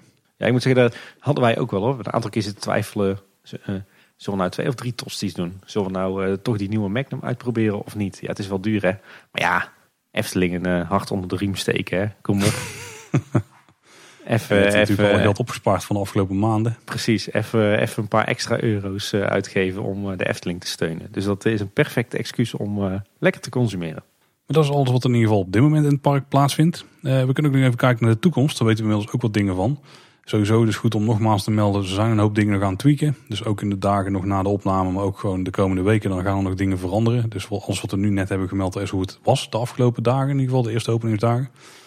Um, je haalde in het begin al aan, Tim. De abonnementhouders die hadden ja, eigenlijk pech. Want er zijn bijvoorbeeld maar 30.000 plekken te reserveren per maand. Uh, maar er zijn 19.000 abonnementhouers. De Efteling die is wel wat dingen aan het doen om dat leed iets te verzachten. Ja, nou ja. Zo komen er in juni speciale avonden voor abonnementhouders. Iedere vrijdag en zaterdag in juni kun je namelijk als abonnementhouder reserveren voor uh, de periode tussen 7 en 11. Ik vraag me wel af hoe het dan gaat met de tijdsloten daarvan, maar dat wordt binnenkort duidelijk. Mm uh, dus, dus of je bijvoorbeeld tussen tot 9 uur binnen kan of zo. Ja, als je om 9 uur binnenkomt, dan heb je nog maar twee uurtjes. Misschien wel heel krap. Dus hoe dat precies in de praktijk gaat werken, daar ben ik nog wel benieuwd naar.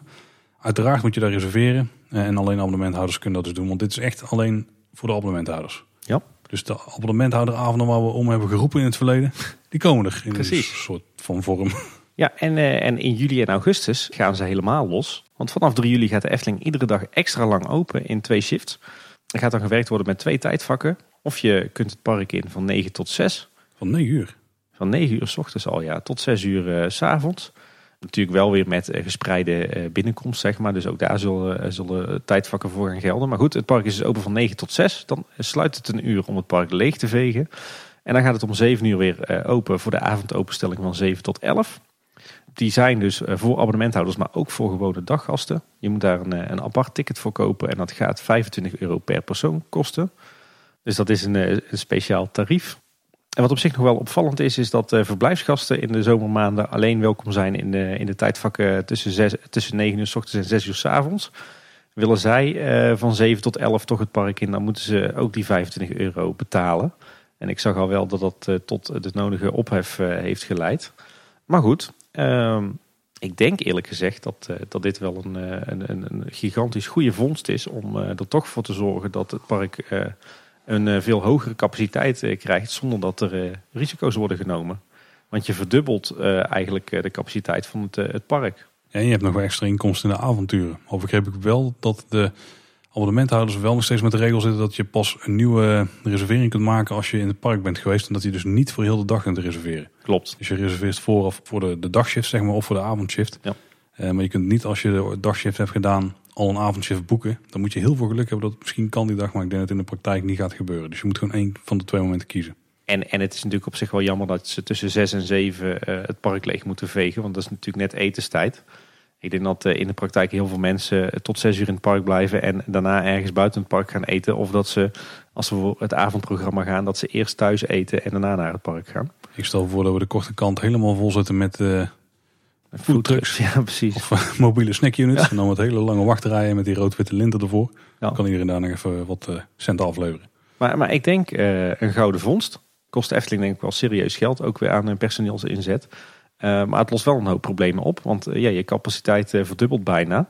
Eh, en ik denk dat er ook best wel veel abonnementhouders zijn die, die juist vooral naar die avonduurtjes willen komen. Ja, en ze hadden al beloofd dat het park in die maanden tot 11 uur of tot 10 uur open zou zijn. Dat was Ja. volgens mij het originele plan al de avonden. Nou, nu wordt het dan 11 uur, maar ze vragen er ook eh, 25 euro voor. Wat ik best een schappelijk bedrag vind trouwens. Ja. Dus, dus ze krijgen wel wat extra omzet door. Dus hopelijk kan het daar een beetje opheffen. Ja. ja, en voor ons een soort van nieuwe generatie zomeravonden. Hè? Ja, wel met minder entertainment en misschien met wat minder mensen spontaan tegen live lopen en daar in groepjes blijven kletsen en hangen en overal naartoe trekken. Dat wordt misschien wel lastiger. Maar wie weet wat de, wat de regels tegen die tijd allemaal doen. Hè? Ja, maar wel, eh, wel een eh, fantastische kans om het park eh, heel vaak in het donker te zien. Ja, zeker. Ja. Ik heb wel zin in. En eh, ja, wat mij betreft is het vooral een voordeel dat we niet allerlei entertainment en optredens eh, gaan zien. Want we gaan waarschijnlijk voor het eerst in lange tijd een, eh, een redelijk blanco Efteling in al haar pracht zien. in de avontuurtjes met mooie verlichting en wat horeca en verder niet te veel gekkigheid. Ik denk overigens wel dat, dat wij zelf, het klinkt misschien stom, maar niet heel vaak gebruik gaan maken van die avonden. Want op het moment dat je toch maar één of twee keer per maand naar het park kan, dan denk ik dat we die momenten toch vooral voor het, het hele gezin gaan gebruiken met de kids. Ja, en dan, dan is het veel handiger natuurlijk om van 9 tot 6 naar het park te gaan dan van 7 tot 11. Maar af en toe moet je ook voor jezelf kiezen. Dat is waar, er zal eh, denk ik eh, best wel een avondje met oppas bij zitten. Waarbij we gewoon eh, vier uurtjes acht baantjes aftikken in het donker. Ik, ik vond dit in ieder geval wel echt een hele positieve verrassing. Dat ze toch dit besluit hebben durven nemen. Ondanks dat het best wel veel vraagt van personeel en ook heel veel geld kost. Ja, er zijn buiten dat ook nog een aantal andere zaken gebeurd in de afgelopen periode. Die waren wat kleiner, maar we willen ook even snel benoemen. Er is een lied en bij ons een videoclip uitgekomen van We beleven het samen. Volgens mij om iedereen er gemotiveerd voor te krijgen om eh, met z'n allen weer van de Efteling te gaan genieten. Maar vooral met z'n allen eh, ons goed daar te gaan gedragen. En netjes aan de regels te houden. Want we doen het met z'n allen en anders dan zijn we de Efteling zo weer kwijt voor een paar maanden. Ja? Er waren ook een hoop mensen die vragen hadden van hoe zit het nu als ik het park wil bezoeken met vrienden. En daarbij zegt de Efteling eigenlijk stellig dat ze de adviezen van het RIVM gewoon volgen. Eh, In principe kan het, maar je mag niet samen in één auto naar het park komen. Je moet altijd die anderhalve meter bewaren. Eh, Dus je staat gewoon alleen in de wachtrij en wordt op heel veel plekken ook gewoon alleen in de attractie gezet. En het kan een uitdaging zijn, zeggen ze zelf, om een reservering te scoren voor alle mensen op hetzelfde moment. Want iedereen moet dat gewoon los van elkaar doen. Ja. In principe volgen ze gewoon de richtlijnen. In de praktijk kan het dus. eh, Maar je moet wel door wat, ja, wat haken en ogen vormen om daar op een zinnige manier een leuke dag te hebben, denk ik. Ja. Dus voor groepen vrienden is het wel lastig op dit moment. Verder kregen we op eh, alle, alle leden van de Raad der Wijzen, eh, zeg maar het burgerpanel van de Efteling, eh, kregen op 17 mei een enquête. eh, waarin de Efteling wilde weten van ben je van plan om op korte termijn naar de Efteling te komen en hoe voel je je daarbij? Op zich een vraag die wij ook op Twitter hadden gesteld aan onze eigen volgers. En de belofte erbij dat die vraag de komende tijd vaker terug gaat komen. Dus de Efteling wil duidelijk weten van de trouwste gasten hoe ze zich voelen bij een bezoekje aan de Efteling. Later begrepen we dat de Efteling ook om feedback vroeg aan eh, abonnees en bezoekers eh, over de, de, testdagen die ze hadden georganiseerd. Hoe dat je alle maatregelen had ervaren, et cetera. Dus eh, goed dat ze daar ook de vinger aan de pols houden. En we hebben de tweede editie van het burenbericht gekregen. In ieder geval de tweede editie die ik ooit heb mogen ontvangen. Die kwam op 22 mei. Dat was weer een bericht met op zich wat tegenstrijdige communicatie zoals we die in het verleden hebben gehoord. Maar we zullen even doornemen wat erin stond. Financieel gezien wordt dit het slechtste jaar voor de Efteling ooit. Maar we hopen natuurlijk onze verliezen enigszins te beperken. Voorlopig gaan we daarnaast extra zorgvuldig om met ons geld. Dat houdt onder andere in dat we geen investeringen doen die niet absoluut nodig zijn en minder entertainment zullen inzetten. Oh. Eh, ook zeiden ze omdat we relatief weinig bezoekers ontvangen en geen aanvullend entertainment inzetten tijdens de avond, dan hopen dat de overlast minimaal blijft. Natuurlijk belangrijk hè, in deze brief richting de buren. Ja.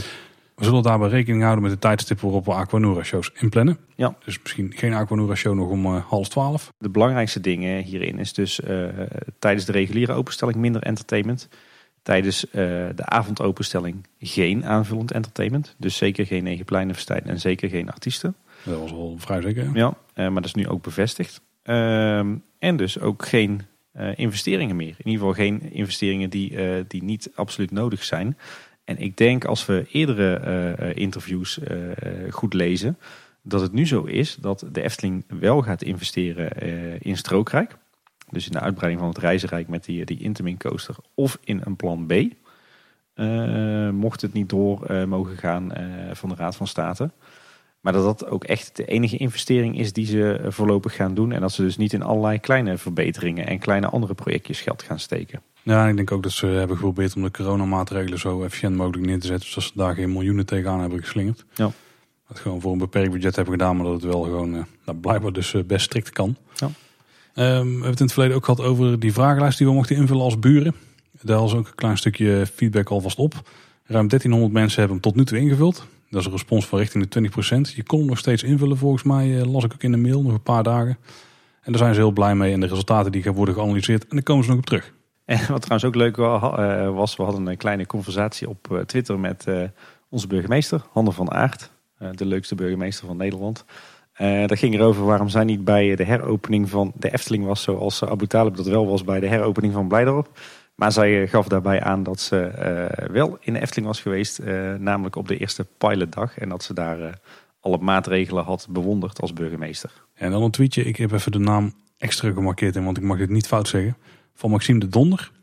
Die heeft via de Efteling gehoord dat voor Belgen de Efteling nog intern aan het bekijken is wat ze gaan doen met de jaarabonnementcompensatie. Omdat die gewoon niet door de grens mogen op dit moment. Ja. Dus daar komt als het goed is nog een update op. En lijkt me ook wel, eh, ja, wel zo ver, want die kunnen op dit moment gewoon niet eens aan de Efteling komen. Laat staan dat ze een reservering geplaatst krijgen. Ja. Dus daar wordt mogelijk nog iets extra's voor gedaan. Ja, er was eerst natuurlijk een hoop ophef dat ook voor de Belgen gold dat eh, na 20 mei de compensatie stopte. Maar alles lijkt er nu wel op dat daar wel degelijk een andere regeling voor komt. En heel terecht ook. Ja. Eh, nog wat nieuws uit de wereld van de Efteling. Eh, ook het Loonse Land is inmiddels weer open en eh, best goed bezocht. Want ik zag eh, vrij recent een half gevuld parkeerterrein. Eh, ook hier zo'n wachthuisje bij de slagboom. Dus eh, ze hebben hier ook iemand buiten staan eh, die de schifting doet aan de poort. Ik was wel heel erg benieuwd of dat je nu ook als niet-verblijfsgast van het Loonse Land gebruik kan maken. Dus of je daar kunt lunchen of een bakje koffie kunt drinken of van de speeltuintjes gebruik kan maken. Dat was bij Bosrijk, was dat in ieder geval niet tot nu toe. Nee, in Bosrijk niet inderdaad. Van het Loonse Land weet ik eigenlijk niet. Moet ik toch maar eens gaan, gaan kijken of dat wel of niet kan. Zou wel leuk zijn. Ik ga ervan uit dat daar precies wel is. Dat je daar gewoon niet welkom bent als niet-verblijfsgast. Zou jammer zijn. Bij Bosrijk geldt er op dit moment dus een afhaalmenu. Dat is gewoon echt een volledige menukaart met voor- en hoofd- en nagerechten. Eh, ook kindermenu's en zelfs een lunchkaart is er. Dus een open keuze. En je kunt gewoon telefonisch bestellen en ook die eh, pizza's worden nog steeds bezorgd. En er waren een hoop Efteling-liefhebbers die, eh, om er zeker van te zijn dat ze het park in mochten na de heropening. en dan ook meerdere dagen allemaal huisjes hadden geboekt in Bosrijk.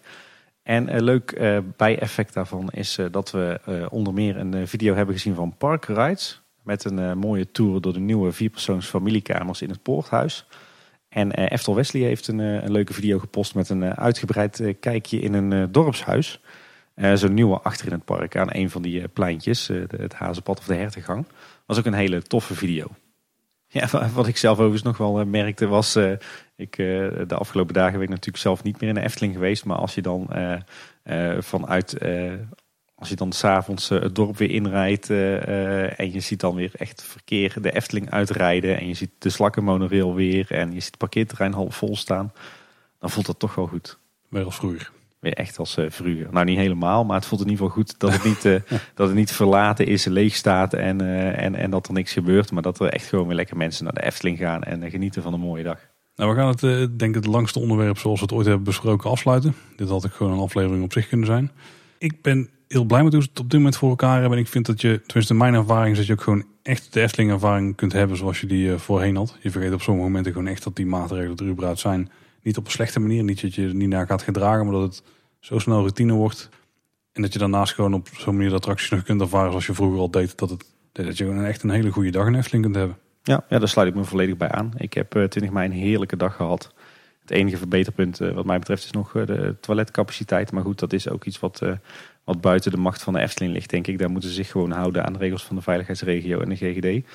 Eh, maar buiten dat, ja, ik heb ook een heerlijke dag gehad. En ik denk dat het een prima ervaring is en dat de Efteling echt goed bezig is. Het enige waar ik een beetje mee zit is eh, toch die beperking van het aantal bezoekjes. Maar goed, eh, dat geeft denk ik alleen maar weer aan hoe graag ik wel niet weer lekker naar het park ga. Nou, laten we voor een nieuwsaflevering op terugkomen. Want dan hebben we weer opnieuw kunnen reserveren. Ook voor die avondopenstelling in juni. Ja. Dus ik ben heel benieuwd hoe het, hoe het dan gaat. Of dat ook zo'n storm loopt dat we wel meer, meer keuze hebben. En dan Max en Moritz. Ja, We weten wanneer Max en Moritz open gaat. ja inderdaad. Max en Moritz opent op eh, zaterdag 20 juni. Dus nog een paar weekjes. Nou, tenminste, een paar weekjes. Voordat die open gaat, krijgen we ook weer een abonnementhouders sneak preview. En omdat ze nu natuurlijk niet eh, daar een paar honderd man in een tijdvak kunnen stampen, wordt die, wordt die verspreid over een periode van ruim twee weken.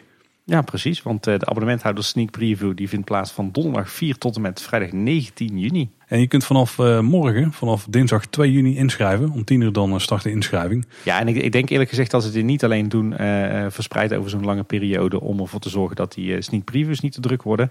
Maar ook om daarna een beetje de, de drukte eraf te houden. Ik denk als je maar een, een hele beperkte sneak preview zou doen van twee avonden met een paar honderd abonnementhouders. En je zou daarna de attractie gewoon opengooien voor iedereen. Dan denk ik dat je daarna alsnog enorm lange rijen eh, zou hebben. En door nu 16 dagen lang eh, previews te houden voor abonnementhouders, denk ik dat ze hopen om die, eh, die eerste piek er een beetje vanaf te krijgen. In de praktijk gaat het dus met die sneak preview zo werken dat het gaat werken weer met tijdvakken van een half uur. Maar die zijn dan in de ochtend van 8 tot 10 en in de avond van 7 tot 9. Behalve dan de vrijdag en zaterdagavonden, want dan heb je natuurlijk die avondopenstelling. Dus dan willen ze er geen kruisend verkeer hebben. Ja. Dus buiten openingstijden, maar ook aan het begin en aan het eind van de dag. Dus per dag heb je dadelijk acht tijdvakken waar je op kunt inschrijven. Buiten dus de weekenden. Ja, weer heel mooi om te zien hoe, eh, hoe de Efteling eigenlijk eh, zich bijna uitslooft voor ons als abonnementhouders. Dus ze doen echt een hoop terug eh, in deze tijd. Ook wel enigszins genoodzaakt zijn, denk ik. Maar nemen we, we nemen het gewoon. Hè. Slimme aanpak, denk ik. Ja, Het is wel, wel fijn dat we naar een, een abonnementhouders preview kunnen, Tim. Want ja, het lijkt erop dat er geen persopening gaat zijn. Hè? nee, helaas. Ja, is, is nog niet helemaal 100% zeker, maar daar, is wel, eh, er zijn wel de geluiden die we tot nu toe opvangen. Ik denk dat ze dat gewoon lastig kunnen organiseren in deze tijd. Ja. ja, we moeten even kijken hoe wij het dan doen. Ik denk dat we heus wel een special zullen maken over eh, de opening van Max en Moritz. Maar het zal waarschijnlijk geen eh, reportage ter plaatse zijn met interviews. Ehm, misschien dat we wel weer gewoon net als eh, vanavond eh, allebei in onze eigen huiskamer zitten met, eh, met een telefoonverbinding. En dat we dan eh, eh, samen gaan evalueren wat we tijdens de, de sneak previews hebben gezien. De ere van het aankondigen van het openingsmoment hebben ze ook een eh, nieuwe video online gegooid. En dat is een timelapse van een minuut waarin je de baan opgebouwd ziet worden. Ja, heel Dus vet. eigenlijk vanaf het moment dat de Bob weg is, hebben ze daar een camera neergezet. En die filmt dan het hele project. En dan krijg je volgens mij in 50 seconden te zien. Heel gaaf ziet het eruit. Nou ja, inmiddels we, zijn we zelf natuurlijk ook weer in het park geweest. Dus hebben we gezien hoe Max en Moritz eh, erbij ligt. Hoe het eh, Max en Moritzplein eruit ziet. Eh, en we, hebben, we zien natuurlijk dagelijks nu weer volop foto's en video's van de situatie daar. Dus we kunnen weer het een en ander bespreken over de vorderingen van de bouw. Ja, want het plein is volledig opnieuw ingedeeld. Dat wisten we natuurlijk al van tevoren. Maar we hebben het eigenlijk niet kunnen zien. We hebben het niet kunnen volgen. En heel af en toe kwam er een fotootje over een hek tevoorschijn of zo. Maar ook daar kon je heel weinig in zien. Dus ik ben eens even op mijn gemak gaan kijken hoe het daar eh, eruit ziet. Ja. Want de indeling van het plein is dus net wel anders dan dat het was voorheen. Want we hadden natuurlijk het grote stuk waar de, eh, waar de chaletjes stonden. Dus het Steenbokplein stukje. Ja. Dit cirkel waar ook eh, Jurgen Freilich optreden. Dat, dat stukje dat kun je niet meer herkennen. Want je hebt nu als je de Steenbok hebt, richting dat plein toe. Dan, dan komt eerst een nieuw gedeelte en dan lijkt een soort grote overkapping te komen. Met ook een, een klein ja, installatiedeurtje waar installaties achter komen die midden in die overkapping zit. Of in ieder geval aan de rand daarvan. Eh, dat is dan één nieuwe grote feature daar. Eh, dan had je voorheen had je eigenlijk een soort driehoekpad eh, waarbij één pad uitkwam eigenlijk langs de Steenbok. Eén pad kwam uit bij de spoorwegovergang bij Fata Morgana. En die kwamen dan weer samen aan de andere kant van het Steenbokplein. Dus daartussen daar had je het pleintje met de chalets eigenlijk en, en een hoop groen. Dus er is nu nog maar één pad die kant op. En dat pad ligt ook een stuk, dat ligt er eigenlijk een beetje tussenin. Je hebt dus nu een nieuw pad wat uitkomt tussen de twee oude paden. Als je bij Fata Morgana nu eh, oversteekt, dan loop je dus niet meer rechtstreeks het plein op. Dan moet je eerst eh, een stukje naar links en dan kun je pas rechts het plein op. Als je dus vanaf de Piranha dat nieuwe pad oploopt, dus, dus wat over het oude Steenbokplein heen liep, dan heb je aan de rechterkant op dit moment een enorm groot open ja, zandvlakte. Daar is denk ik gras ingezaaid, maar de, Ja, ik heb nog even gecheckt, maar eh, daar hebben ze inderdaad gras in gezaaid nu, ja. Dus het kan daar een mooi grasveldje worden. Maar dat ziet er toch wel uit als een plek waar in de toekomst wat meer mogelijkheden zijn. Maar daar moeten we denk ik nog even op wachten voordat we daar iets gaan zien. Ja, wel als we het dan hebben over een niet per se essentiële investeringen, dan denk dat het daarin zat. Nee, ik denk dat we daar wel voor moeten uitgaan. Want anders zie ik weinig reden waarom de Efteling op zo'n centrale locatie in het park eh, ineens een enorm grasveld aanlegt. Eh, dat had je anders wel op een andere manier ingericht met beplanting of iets dergelijks. Dus ik denk dat dit eh, de plek is waar we in de toekomst wellicht nog een, het, het befaamde horecaplein kunnen gaan zien. Of misschien ook wel de bakkerij Belhamel. een, een horecavoorziening die ook eerder werd, werd aangekondigd of waar die van naar werd gehind. Eh, maar ik denk dat dit nu inderdaad een tijdelijke situatie is. De, de plek is wel groot genoeg om ook een flinke speeltuin te plaatsen. Of Ja. misschien wel een invulattractie. Waarbij die speeltuin misschien iets waarschijnlijker is. Dus ik denk dat ze daar in de toekomst ook wel een, een leuke mogelijkheid hebben. Als je in ieder geval dus eh, dat pad verder afloopt. Dus aan de rechterkant hebben we het grote grasveld. Links lopen we eerst langs eh, de nieuwe overkapping die ze nog aan aan aanbouwen zijn. Dan kun je rechts eigenlijk via een heel schattig paadje kun je doorlopen naar, eh, naar de zijkant van Piranha. Dus daar heb je die, die poort staan met aan de linkerkant beplanting en rechts de laatste bocht eigenlijk. Waar de boten met volle vaart erheen gaan en waar je ook de kwelbeelden hebt. Maar als je dan niet het paadje naar Piranha ingaat, maar je kijkt naar links, dan heb je eigenlijk het nieuw ingerichte plein, wat echt weer een stenig plein is, met een paar eh, chaletjes. Tim, eh, bestrating, eh, asfalt, eh, hoe, zit het hier allemaal? Die afdelingen. Mag ik weer los? Ja. ja, zeker. Nou, wat mij opviel is dat het, eh, het asfalt op het eh, plein eigenlijk grotendeels heeft plaatsgemaakt voor, eh, voor gebakken klinkertjes. Dus het asfalt is eruit. Zelfs de doorgaande weg zeg maar, langs de, de spoorlijn komen er vanaf het Wouwplein richting Fata Morgana. Die is ook helemaal in klinkertjes uit aangelegd. Dat verbaast mij nogal. Met, met een goot in het midden. Dat zie je ook niet vaak. Je ziet op het, het plein zie je dat, er, dat ze hele mooie gethematiseerde lantaarnpalen hebben geplaatst. Omgeven door, door wat keien.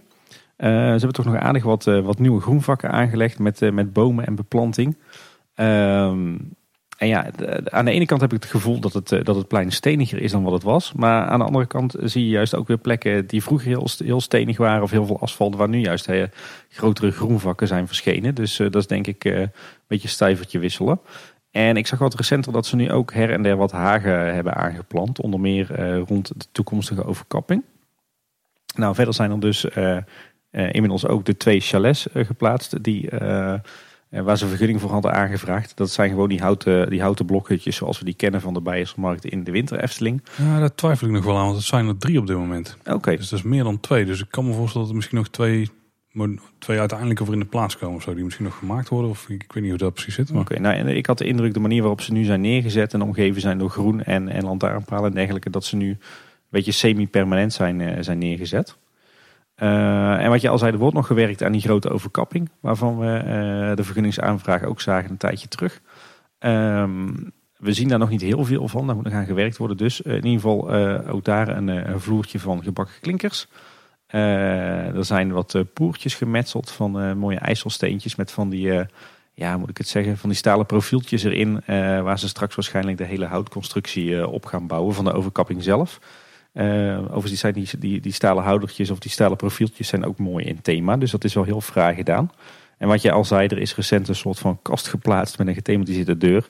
En de verwachting is dat daar eh, inderdaad eh, de technische ruimte in komt te zitten. die wellicht de verschillende blokhutjes op het plein van voeding voorziet. Ik moet zeggen dat ik tijdens mijn bezoek over het plein liep en dat ik het er best wel fraai uit zag zien. Eh, ook het groen wat is aangeplant eh, aan de asfaltweg, zeg maar van de oude steenbok richting eh, de Piranha. Dus waar je ook langs de ingang van Max en Moritz komt. Ook een hele mooie mix van, van keien en allerlei verschillende soorten naaldboompjes en andere beplanting. Dus landscaping zit echt goed in elkaar. Ehm, en ja, het pleintje ziet er ook, ook uit. Mooier dan, dan, dan puur en alleen wat asfalt. Al heb ik wel weer het gevoel dat ik denk van... zijn er weer niet iets te veel bomen geplant? Want je had voorheen zo'n mooi plantsoen met naaldbomen... eh, zeg maar tussen de Fata Morgana eh, en de Steenbok. Eh, wat een beetje het, de backdrop was zeg maar, van, van het podium daar. En al die bomen zijn weggehaald. Eh, maar nu is daar gewoon gras ingezaaid. Dus dan denk ik, ja, is dat dan niet een beetje zonde? Maar goed, ik denk dat de plannen daar ook misschien wel anders waren toen ze die bomen weghaalden nog. dat denk ik ook. Maar in ieder geval het, het Max en Moritzplein eh, erg stijlvol. Ja, ze hebben ook nog best wel een paar grote bomen teruggeplant, viel me op. Dus er staat er wel redelijk wat groen. Maar ik ben vooral weer benieuwd hoe dit er dan over een jaar of vijf uitziet als het wat dichter is begroeid. Maar Ik durf best te stellen eh, dat, eh, dat de landscaping misschien wel het meest geslaagde aspect is van het hele Max en Moritz project. ik moet zeggen, nou ze dat stukje hebben aangepakt, dat het stationsgebouw er zelf ook wel een stuk beter uitziet. Klopt. Ze hebben daar best wel wat ruwe kantjes mee weggewerkt. Je hebt alleen eigenlijk nog, tenminste het, het stuk wat mij nu het meeste opvalt, is eigenlijk die grote doos die aan de rechterkant er dan uitsteekt. Eigenlijk het verlenging, de verlenging van het originele gebouw. Want dat is echt gewoon een vierkant blok. Ja. Hebben ze, als we daar nog een paar eh, grote bomen voor zouden kunnen laten groeien, dan is ook dat stukje mooi eh, gecamoufleerd, denk ik. Nou, wat zien we verder dan nog aan eh, Max en Moritz zelf? Nou ja, het hele ingangsgebied is klaar. Hè? De hele ingangspoort is afgewerkt. Er zit decoratieschilderwerk op. Die Max en Moritz miniaturen die zijn helemaal klaar en afgewerkt. Volop bebording, allemaal mooi in thema. Eh, denk aan eh, de ingangsborden, het wachttijdenbord, de pictogrammen. Dat is allemaal heel mooi eh, vormgegeven. En ik zag dat ze nu ook testen aan het doen zijn met de digitale wachtrijaanduiding. Ja, ze zijn natuurlijk eh, vol een bak testrit aan het doen aan. Ja. Je ziet ook af en toe de mensen van het projectteam langskomen. Hè. Er zit Robert Jaap erin. En de afgelopen weken ook wat mensen van de TUF en wat mensen met BHV-hesjes. Ja. Inmiddels is de baan ook gekeurd, begrepen we. Dus ze kunnen open. Ja, inderdaad. Heb jij wat testritten gezien toevallig? Ik heb wat testritten gezien, ja. Nou, ik ook. Wat vond je ervan? Ja, nou, volgens mij is het best wel aardig. De rit duurt ook best wel lang. Eh, ik denk dat je een dikke minuut in de, echt op de baan aan het rijden bent. Nou, dat is voor- voor een achtbaan is dat best lang.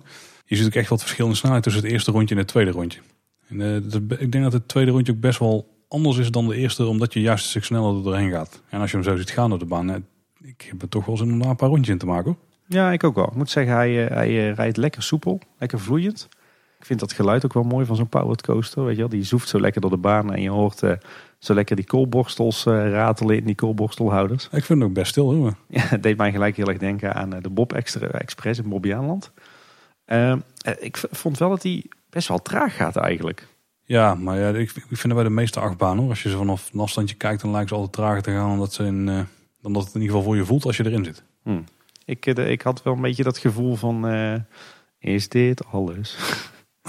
Echt hard gaat ook niet. hè. Hij gaat volgens mij 30, 35 km per uur of zo. Ja, het is natuurlijk ook de, instapcoaster en kiddiebaantje. Maar eh, ja, ik, eh, ik, ik ben benieuwd. Ik heb, ik heb inderdaad ook wel zin in, in de rit. En dan met name ook eh, in combinatie met eh, alle show-effecten. Dus het verhaaltje wat een beetje wordt verteld. Want ja, er werd de afgelopen dagen ook volop getest met die effecten erbij en de muziek aan. Dus we hebben al wel een beetje het eindbeeld gezien.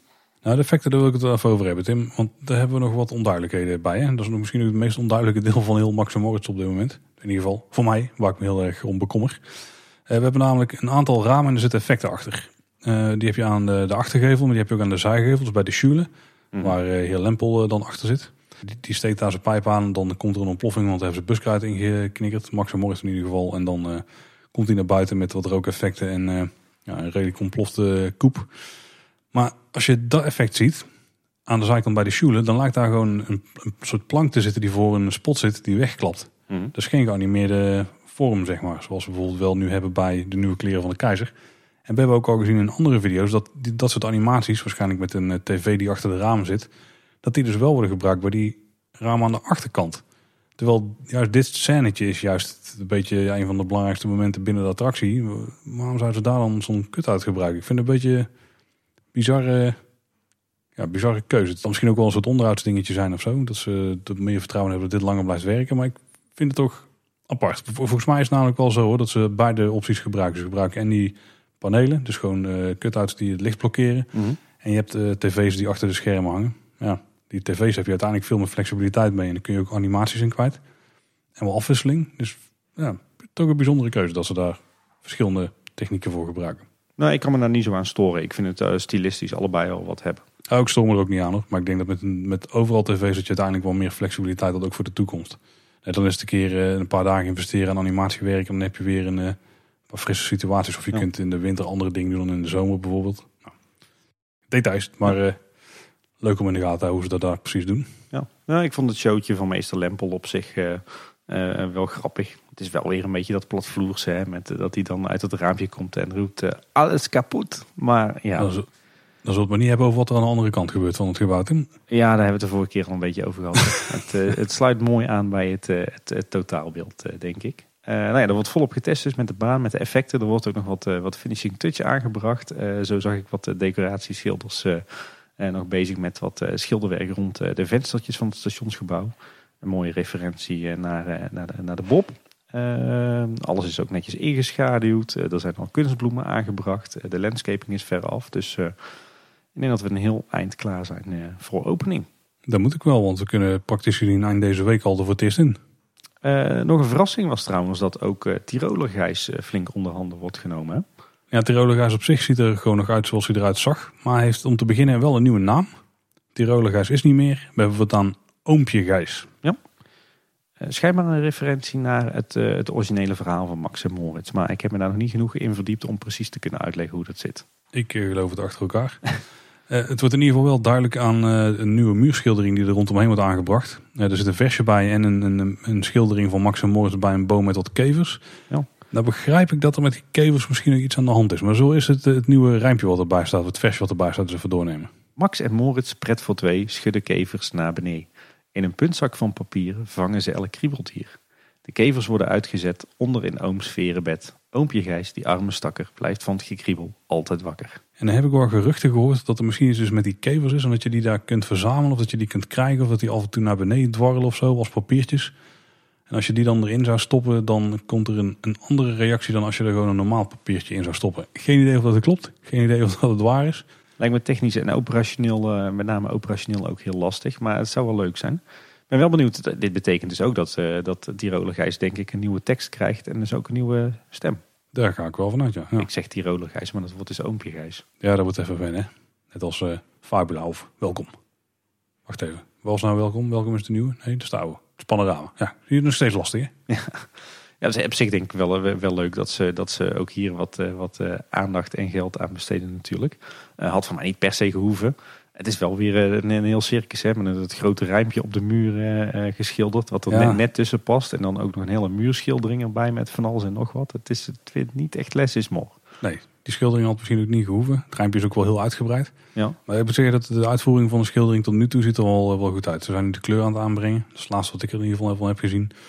Het ziet er op het oog aardig uit. Maar in het geheel moet ik het nog even eh, proberen dadelijk. Ik vind het wel leuk dat de, dat de laatste twee regels van het rijmpje... Oompje Gijs, die arme stakker, blijft van het gekriebel altijd wakker. Die, die sluit wel mooi aan bij de andere Gijzen rijmpjes. Hè? Eh, Zoals bij de geeuwende Gijs eh, en nog kon Gijs van honger niet slapen. En het oude rijmpje van baby Gijsje.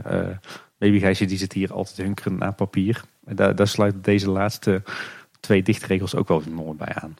En verder kregen we nog, eh, eh, vingen we nog een bericht op dat eh, bij vrouw Boltes Kuge, dus de opvolger van de Steenbok, dat, eh, dat je daar straks kunt gaan bestellen op bestelzuilen. Zoals we die nu ook kennen in het Fabula Wereldrestaurant.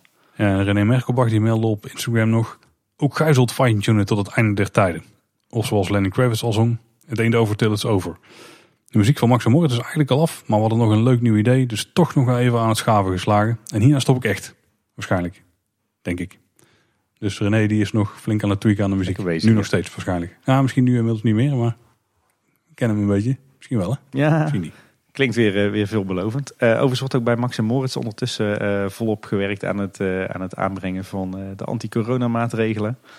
Zo zijn ook hier op de meandering de plexiglazen schermen geplaatst. En vinden we ook hier weer die rood-witte lijnen op de vloer in de meandering. Maar ook helemaal over het, het asfaltpad richting de Steenbok. Dus ook hier kun je straks veilig op anderhalve meter eh, afstand van elkaar eh, gaan wachten. En dan Tim, eh, jij was er heel licht bij betrokken... maar er waren meerdere branden in een aantal dagen tijd rondom de Efteling, hè? Ja, inderdaad. Nou, ik was er niet op, op die manier bij betrokken. In de zin dat ik de oorlog was. Ja, precies. Nee, want eh, maandag 11 en donderdag 14 mei was er maar liefst drie keer brand bij de, op het grondgebied van de Efteling. Twee keer op vak KLM. En uiteindelijk op donderdag ook op vak O. Zeg maar het, eh, het overloopparkeerterrein aan de overkant van de Donauweg achter de brandweerkazerne. Eh, telkens ergens tussen 5 en 10 aangestoken. Eh, vaak groen volgens mij, maar ik had ook wat pallets gezien die in vlammen op zijn gegaan. En de Efteling die heeft uiteindelijk aangifte gedaan van brandstichting. Ehm, en er is in ieder geval één getuige die heeft gezien dat, de, dat in ieder geval één brand opzettelijk werd aangestoken. Maar het lijkt er dus op dat er een brandstichter aan het werk is geweest rond de Efteling. Inmiddels is het gelukkig eh, stil, dus laten we hopen dat het een, eh, een bevlieging was van diegene. Zal er niet wat bomen door de war gehaald met wat eh, van die aangeklede 5G-masten of zo? nee, ja, dat zou ook nog kunnen, ja. Ja, het zou al baldadigheid of vandalisme zijn geweest. Overigens, de, de reden dat wij als kleine boodschap als eerste dat bericht konden plaatsen en ook foto's hadden, was niet zozeer dat wij ramptoeristen zijn. Maar eh, toevallig dat, eh, dat Anne het laatste brandje op eh, vak O eh, zelf heeft gezien toen ze met de kids naar huis kwam van de kinderopvang. En eh, die heeft de auto aan de kant gegooid, meteen de brandweer gebeld. En eh, die bleek de eerste te zijn die de melding deed, terwijl er toch al tientallen auto's langs waren gereden. Dus dat is altijd heel wonderlijk. dus die heeft nog even met de kids staan wachten en de brandweer de juiste kant op eh, gedirigeerd. En gelukkig ging daar niet heel veel in, in vlammen op. Dus zodoende dat wij uit de eerste hand de info hadden. Ja, wij noemen met regelmaat nieuwe pretparkpodcasts die weer zijn gestart. Ja. Nou, er is er weer eentje bij. Of ja, misschien er was er eentje bij voor een tijdje. De Efteling heeft namelijk zelf een podcast de wereld ingebracht. Ja. De Oppodcast. Ja, Eh, een podcast van de Efteling zelf. Eh, en het is niet helemaal duidelijk, maar het lijkt erop dat ze die eh, speciaal hebben uitgebracht om zeg maar, de periode te overbruggen waarin de Efteling gesloten was. Maar dat is niet helemaal zeker. De podcast bestaat uit drie afleveringen, waarbij ze hebben gezegd dat het, het voorlopig, de derde aflevering de voorlopig laatste aflevering is. En, en het thema is ook echt wel eh, door de Efteling lopen terwijl het park gesloten is. Daar wordt ook meermaals in, eh, aan gerefereerd in de afleveringen. Eh, en het grappige is dat ze in, zeg maar, in de week voor de heropening op 20 mei ook in een nood, noodvaart alle drie online zijn geknald. Dus of het nou definitief een, eigen corporate podcast is van de Efteling, of, of echt gewoon puur een leuk ideetje voor de periode waarin het park gesloten was, dat weten we niet zeker. Maar ik heb de drie afleveringen in ieder geval met plezier geluisterd. Je moet er nog twee luisteren, moet ik, eh, moet ik bekennen. Ik heb alleen niet met Fons geluisterd. Ah, nou, dan heb je, moet ik zeggen, dan heb je wel meteen ook de, de allerbeste geluisterd. De eerste aflevering was inderdaad een, eh, een wandeling met Fons door de Efteling. Was wat mij betreft eh, by far de, de meest interessante aflevering. En Fons was opvallend openhartig over de sluiting de, van het park, de zorgen die hij had. Eh, de voorbereidingen op de heropening en de, effect van alle maatregelen op de beleving. Hij, eh, ja, ik vond hem daar best eerlijk in en hij, eh, hij deelde ook echt zijn zorgen ook over de toekomst van het bedrijf. Dus ja, het was op zich een hele interessante aflevering met een paar eh, mooie uitspraken. Ik denk ook wel een aflevering die wij heel graag eh, hadden gemaakt in coronatijd. Eh, maar goed, eh, ook, ook heel begrijpelijk dat de Efteling dat zelf uitbrengt natuurlijk. Eh, de tweede aflevering was een, een wandeling met eh, Mario Dieltjes, de groenbeheerder van de Efteling. En eh, de derde aflevering was een, een interview met eh, René Merkelbach, de bekende componist. Wij hebben zelf natuurlijk al eerder eh, afleveringen gemaakt met, met beide heren. Met René Merkelbach zelfs twee keer. En ik heb weinig nieuws gehoord eh, in, in de podcast van de Efteling zelf. Ja, is een beetje ook op een ander publiek, denk ik. Hè. Dit is ook een soort tussendoortje. Eh, Volgens mij was de klacht eh, gebracht waarom doet Efteling niet meer met video bijvoorbeeld in deze coronatijd. Want bij andere parken en andere dierentuinen en zo bijvoorbeeld zie je een hoop YouTube-video's. Ik denk dat dit misschien een beetje hun stapjes waren in meer content voor deze tijd. Ik weet niet waarom het al in de vorm van de podcast was. Volgens mij was het ook een beetje vanuit Efteling Kids Radio. Ja, klopt. En ik, en ik moet de disclaimer brengen, anders dan krijgen we op een donder van eh, bepaalde collega-podcasters. Het is niet echt een podcast eigenlijk. Het zijn gewoon audiobestanden die ze op het blog publiceren. Maar je kunt je niet subscriben in een podcast-app. Je kunt geen abonnee worden. Het staat niet in Spotify. Eh, dus het mist wel een aantal van de dingen die een podcast een podcast maken. Maar ja, het is wel audio die je kunt luisteren. Ja. Dus dan hangt iedereen die term er gewoon aan tegenwoordig. Ik, vind het, ik, ik snap het op zich wel dat ze het doen. Ja, ik, ik vind het een leuk initiatief. Eh Lieke, DJ Lieke van eh, Efteling Radio, die, die deed het ook echt leuk. Dus ja, ga ze zeker luisteren. We zullen de, de links ook in de show notes zetten. Mocht je nou na het, het luisteren van de tweede en derde aflevering meer willen horen van Mario Dieltjes en René Merkelbach, dan kunnen we zeker ook onze eigen afleveringen aan, eh, aanraden. Aflevering 62, 74 en 100. eh, dat zijn de afleveringen waarin Mario en eh, René bij ons voor de microfoon staan. En daar gaan ze nog wat meer op de details in. Ja. Over Mario Dieltjes eh, gesproken. Die, ik weet nog dat hij tijdens ons interview dat hij het volop erover had. Over het feit dat er in de Efteling met mullig werd gewerkt. Met het afdekken van alle plantsoentjes met, met eh, boomsnippers en zo. Om de, de plantsoenen allemaal eh, mooi onkruidvrij en eh, nat te maken. En eh, geïnspireerd door Mario's eh, lofzang op het mullige eh, zijn wij er, eh, hebben wij het uiteindelijk ook zelf in ons eigen tuintje gedaan de afgelopen week. Tot nu toe een succes. Het ziet er bijzonder professioneel en fraai uit, moet ik zeggen. Kijk, alsof je je eigen sprookjesbos achter in de tuin hebt. Hè? Precies. En Mario heeft het volgens mij ook druk, eh, tenminste zijn afdeling. Want we hebben de coronacrisis nu. Maar eh, er is nog altijd ieder jaar een eh, andere terugkomende mini-crisis. Dus dat wordt steeds heftiger lijkt het. Ja, noem het maar mini-crisis. Nou ja, ten opzichte van de coronacrisis wel, denk ik. Maar- en dat is de eigen processierups. Die is weer aangetroffen in de Efteling. Eh, De eerste melding die was bij Langnek. Die is inmiddels ook weer opgelost. En we hebben de afgelopen dagen wat mensen het park zien lopen die het probleem hopelijk gaan fixen. Hè? Ik zag in ieder geval zowel op social media, maar ook zelf in het park op 20 mei. Eh, eh, al behoorlijk wat mensen van eh, de firma Storix rondlopen uit Waalwijk. En die doen voor de Efteling zeg maar het beheersen van de eikenprocessierups. Dus op het moment dat er een boom wordt ontdekt, dan fixeren ze dat met lijmspray. En wordt het buiten openingstijd voor de, de, eikenprocessierupsen weggezogen. Maar daarnaast leek het erop alsof ze ook eigenlijk continu inventarisatierondjes eh, doen door de hele Efteling heen. Ja, dus hopelijk hebben we er weinig last van in de, op de momenten dat we naar de Efteling kunnen. Hey, en een, eh, een laatste eh, nieuwtje, eh, heet van de naald, is namelijk dat de zitting van de Raad van State over het bestemmingsplan van de wereld van, voor de wereld van de Efteling 2030 op 9 juni, dat die definitief doorgaat. In één aflevering hebben we het langste en het kortste hoofdonderwerp ooit. Precies. Want veel meer dan dat kunnen we ook niet echt melden. hè? Nou ja, dat we, dat we nog steeds gaan proberen om daarbij te zijn bij de zitting en eh, daar verslag te doen. Eh, daar zijn we druk in eh, over gesprek met eh, de Raad van State. Hopelijk daar een update over. Houd de social media kanaal in de gaten, dan weet je het vanzelf. Ja. En dan Tim, ik eh, ga ik even een flesje schrobbelaar halen, want degene die ik net had, die is leeg. Ehm, Snap ik. onderhoud. Er is een open te melden. Ga je gang. Ja, het park is 2,5 maand dicht geweest. Hè? Dus als het park dan weer open gaat, is er ineens een, een heleboel te melden over onderhoud. Ik heb zelf een hoop gespot. maar ook deze keer moet ik weer veel dank uitspreken aan eh, de mannen van Eftelingsestraat.nl. En aan uh, Eftelnerd, oftewel Nick. Want die hadden ook heel wat eh, mooie onderhoud-updates geplaatst op social media. Nou, laten we het park maar weer doorlopen, rijk voor rijk. Als we naar het, het fantasie, in het Fantasierijk beginnen, dan vindt daar momenteel groot onderhoud plaats aan de Aquanura vijver. Dat was gewoon gepland. Het hele fonteinengedeelte, dus de bak in het midden, staat helemaal leeg. En in de rest van de vijver er rondomheen staat het water ook erg laag. Eh, het onderhoud duurt nog tot en met 12 juni. En in de vorige nieuwsaflevering hadden wij het al over een eh, pompunit die eh, achter de schermen stond. En toen dachten wij nog dat die was om, om het water daar te laten circuleren.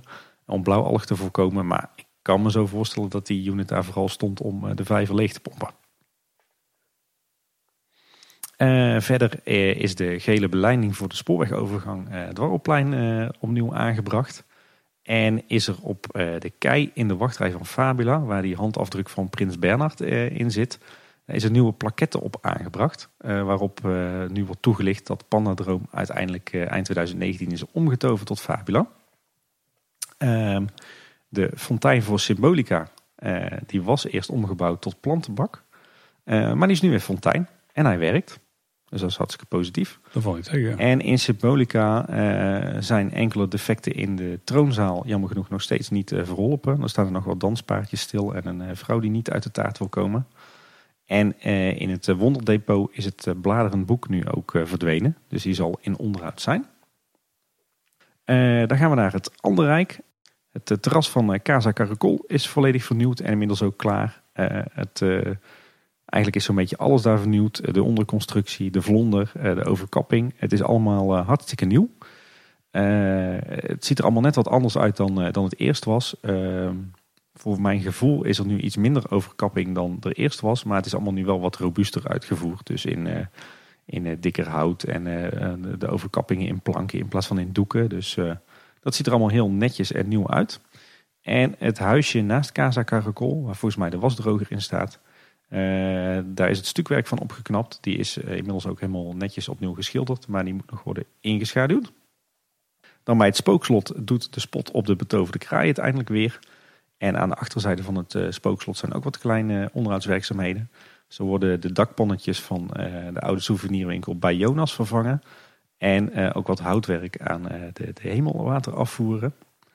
En in de Fata Morgana is ook het een en ander gebeurd. Eh, de verlichting langs de wandjes, eh, de wanden van de opstaphal waar je staat te wachten, die is nu ook vervangen door ledstrips. Eh, en je hebt dan ook nog die lampjes die zeg maar aan de buitenkant van die gaanderij zitten. Daar is nu de, de helft van vervangen door led en de andere helft niet. Dus geen idee wat daar het, het verhaal achter is. Wat verder nog opvalt is dat als je de attractie binnenkomt via de minaret, dan had je daar altijd twee bordjes hangen. Het bordje verboden te roken en het bordje aangeraden wordt te passen op uw beurzen en uw tassen. Die zijn nu weggehaald. Zeg wel heel erg jammer van dat mooie gethematiseerde bordje aangeraden wordt te passen op uw beurs en tassen. Want dat is toch wel een Efteling Classic. Uh, en in de attractie zelf uh, valt op dat heel veel animatronics een stuk beter en soepeler bewegen. Dus uh, waarschijnlijk dat ze daar tijdens de sluiting op het gemakje wat van die vliegtuigkabels hebben gespannen of vervangen. dat zag er allemaal heel top uit. Oh, mooi. Dan gaan we naar het Ruigrijk. Ik ben helemaal on fire, Paul, dat merk je wel. Ja, ja, ja die gaat er al doorheen. Komt op.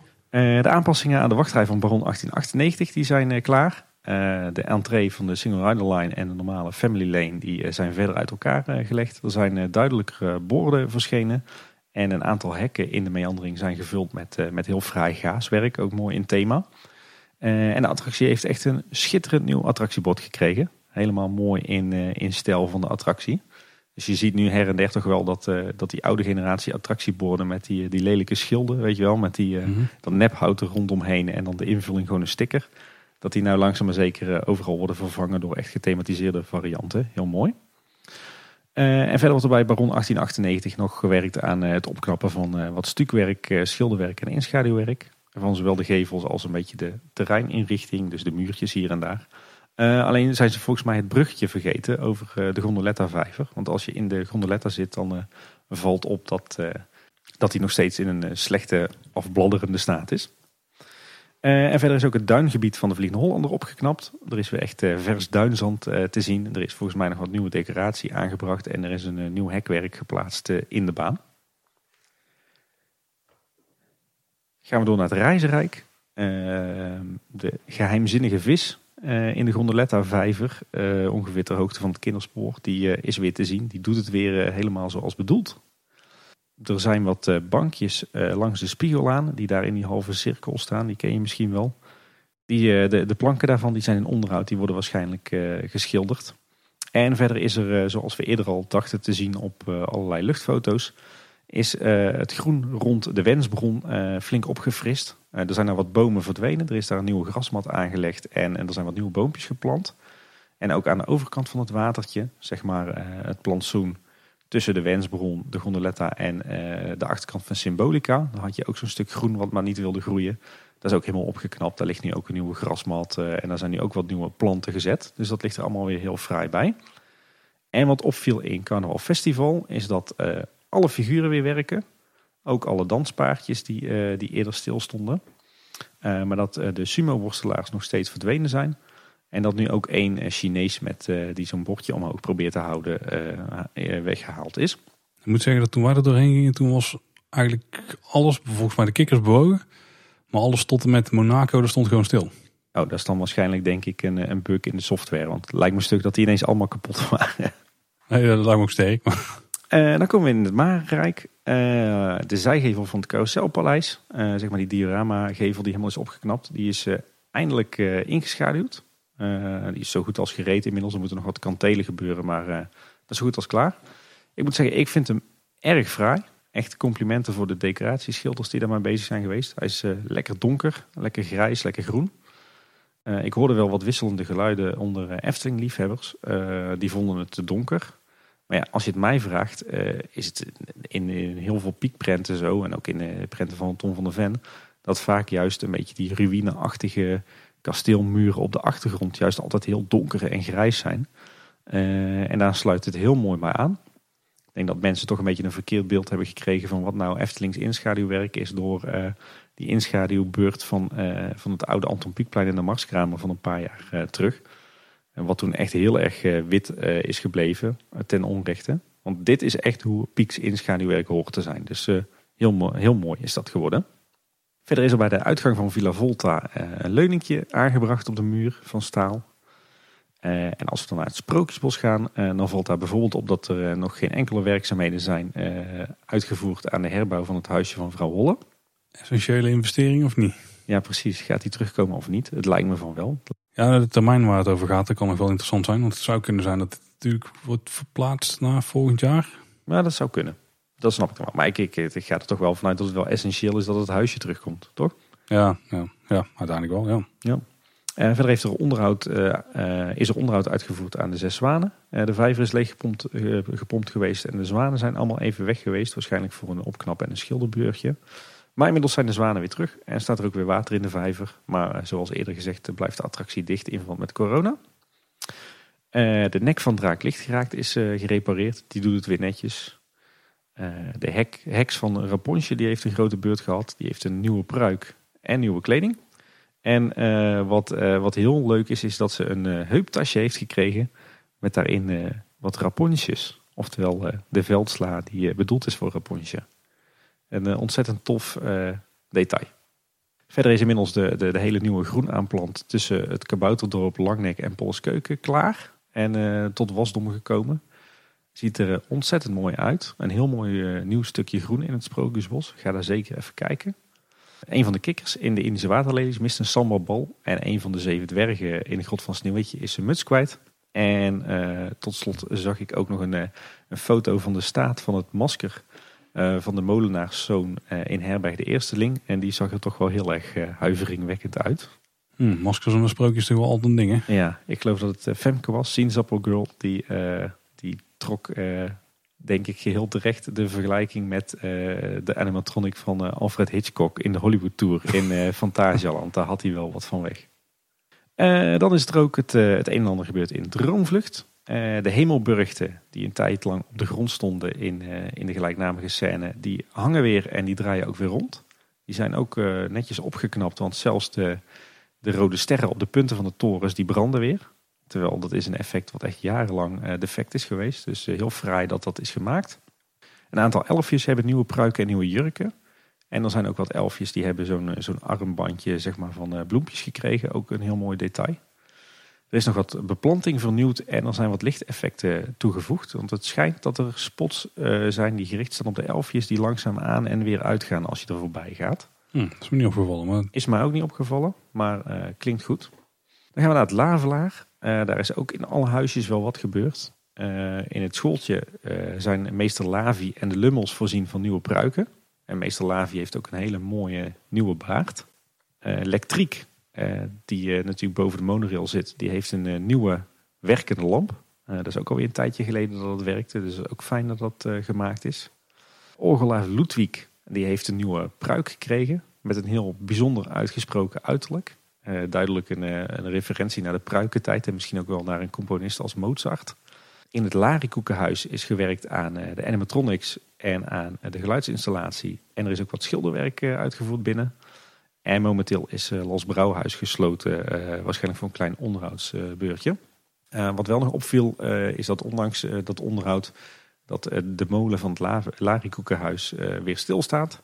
En dat in het in Lots Kraamhuis dat het, het larfje Luf nog steeds ontbreekt in zijn mandje. En dat is ook alweer een tijdje zo, dus hopelijk wordt hij niet vergeten. En dan tot slot in het Marenrijk eh, valt nog op dat in het Efteling Museum eh, een aantal eh, sprookjes in de sprookjesquiz eh, nieuwe items hebben gekregen in de vitrines. Die waren een tijd geleden gejat.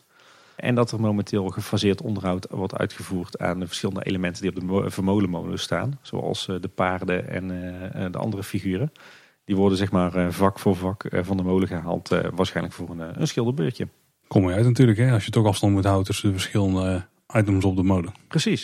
Dan hebben we nog wat overige zaken. Eh, er viel mij op dat een heel aantal accukarren in de Efteling eh, zijn vervangen. Zeg maar die, die rode wagentjes van spijkstaal die door de Milieudienst en de Technische Dienst eh, onder meer worden gebruikt.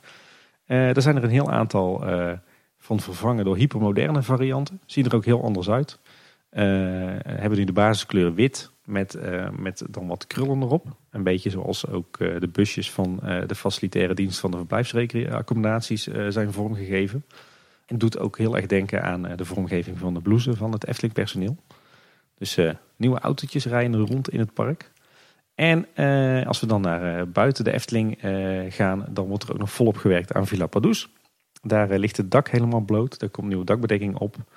Naar verluid had men toch wat last van lekkages in de villa. En ook de gevels staan in de stijgers, waarschijnlijk voor eh, schilderwerk. Dus daar wordt ook eh, hard gewerkt. En als we dan nog even vooruitkijken op de onderhoudskalender, dan staan er nog een paar onderhoudsbeurtjes op de planning. Eh, zo heeft, krijgt de halve maan onderhoud van 25 tot en met 29 mei. Dus als deze podcast uitkomt, dan is dat alweer achter de rug. De pagode staat stil van 2 tot en met 5 juni. Monsieur Cannibal van 8 tot en met 19 juni. En het spookslot van 22 tot en met 24 juni. Dus dat zijn onderhoudsbeurtjes die nog gepland staan. Kijk eens niet zo heel ver naar de toekomst nog op dit moment met de onderhoudskalender. Meestal weet wel maanden vooraf wat er gaat gebeuren, maar nu is het gewoon voor de komende maand. Ja, nou ja, het is meestal wel zo dat de Efteling het, het onderhoud aan attracties in de zomermaanden stillegt en dan in de herfst pas weer oppakt. En meestal worden die onderhoudskalenders wel pas een half jaar van tevoren uh, gepubliceerd. Dus werken ze echt zeg maar met fases van een half jaar. Ik denk misschien wel ze hier ook een slag om de arm houden met betreft uh, aangepaste maatregelen of zo. Ja. Dat was een flinke bubs, uh, Tim. Ja, nou mag ik aan de drank denk ik, of niet? Tot even geleden. Nou, we hebben ook nog kort nieuws. Ja, die mag jij dan even aftrappen, Paul. Ja, dat is goed. We kregen een kijktip. Die zagen we langskomen via Tristan. Die ook uh, deel had genomen aan onze waterorgel aflevering. Dus een video van een hele familie die naar de Efteling gaat in 1987. Met hele toffe beelden van Fata Morgana. Een extreem druk sprookjesbos. De Barbie tentoonstelling die toen plaatsvond in het waterorgel. Ja, dat vond ik wel een leuke. Want die, die Barbie tentoonstellingen hebben wij toen niet meegenomen in, uh, in onze waterorgel aflevering. Maar nu ik die beelden zag, dacht ik, vrek ja. Ik weet dat in mijn jeugd inderdaad dat er ook nog verschillende jaren een Barbie tentoonstelling in de waterorgel foyer was. Tof om daar weer wat beelden van te zien. En die kan ik me vooral herinneren in het gebouw Panorama. Nee. In het café-restaurant. Maar dat is volgens mij later nog een keer geweest. Carnaval Festivalplein staat erop in die tijd. En ook een zeer uitgebreide oude speeltuin. Inclusief het klimrek Tim, waar we het een paar keer over hebben gehad. Die laatste was verkocht weer of opgeruimd. Ja, dat, dat was een heel uitdagend klimrek. Maar dat is, is ooit verdwenen uit de Efteling. Toen bij een, een basisschool hier in Kaatsheuvel terechtgekomen. En toen hij daar was afgekeurd was hij terechtgekomen op het eh, kinderdagverblijf waar mijn dochters ook op zitten. Maar ook daar is hij eh, een tijdje terug eh, afgekeurd en inmiddels is hij helemaal gesloopt en afgevoerd bij het oud ijzer. Dus helaas is dat stukje Efteling historie niet meer. Nou is hij echt weg, ja. ja. En ook nog wat beelden van het kinderspoor kun je in die video checken. Heel ook een ander filmpje kwam bij ons langs. Dat was een promotiefilmpje uit de jaren 80, of eind jaren 80 van de Efteling. Dan kon je altijd van die eh, video's zelf maken. En dat is een introfilmpje voor. Volgens mij kun je die ook los nog kopen. En dat filmpje kun je daar nog helemaal in zien. Dus als je die nooit hebt meegekregen. Echt uh, heel tof om te kijken met echt enorme cheesy jaren 80 muziek erachter. Ja, zeker. we zullen de links naar beide filmpjes ook weer in de show notes plaatsen. En die vind je op kleineboodschap.com bij de aflevering. En wat mij nog opviel is dat vroeger was het altijd zo als je vanuit het zuiden kwam dat je dwars door Tilburg naar de Efteling moest rijden. Dat is sinds een paar jaar niet meer. Er is nu een soort ring om Tilburg eh, heen gelegd met een Noordoost-tangent en een Noordwest-tangent. Uh, dus je rijdt niet meer dwars door Tilburg heen, maar juist om Tilburg heen. Uh, daar is ook alle bewegwijzering in de regio op aangepast. Maar tot mijn verbazing reed ik vorige week over de Ringbaan West.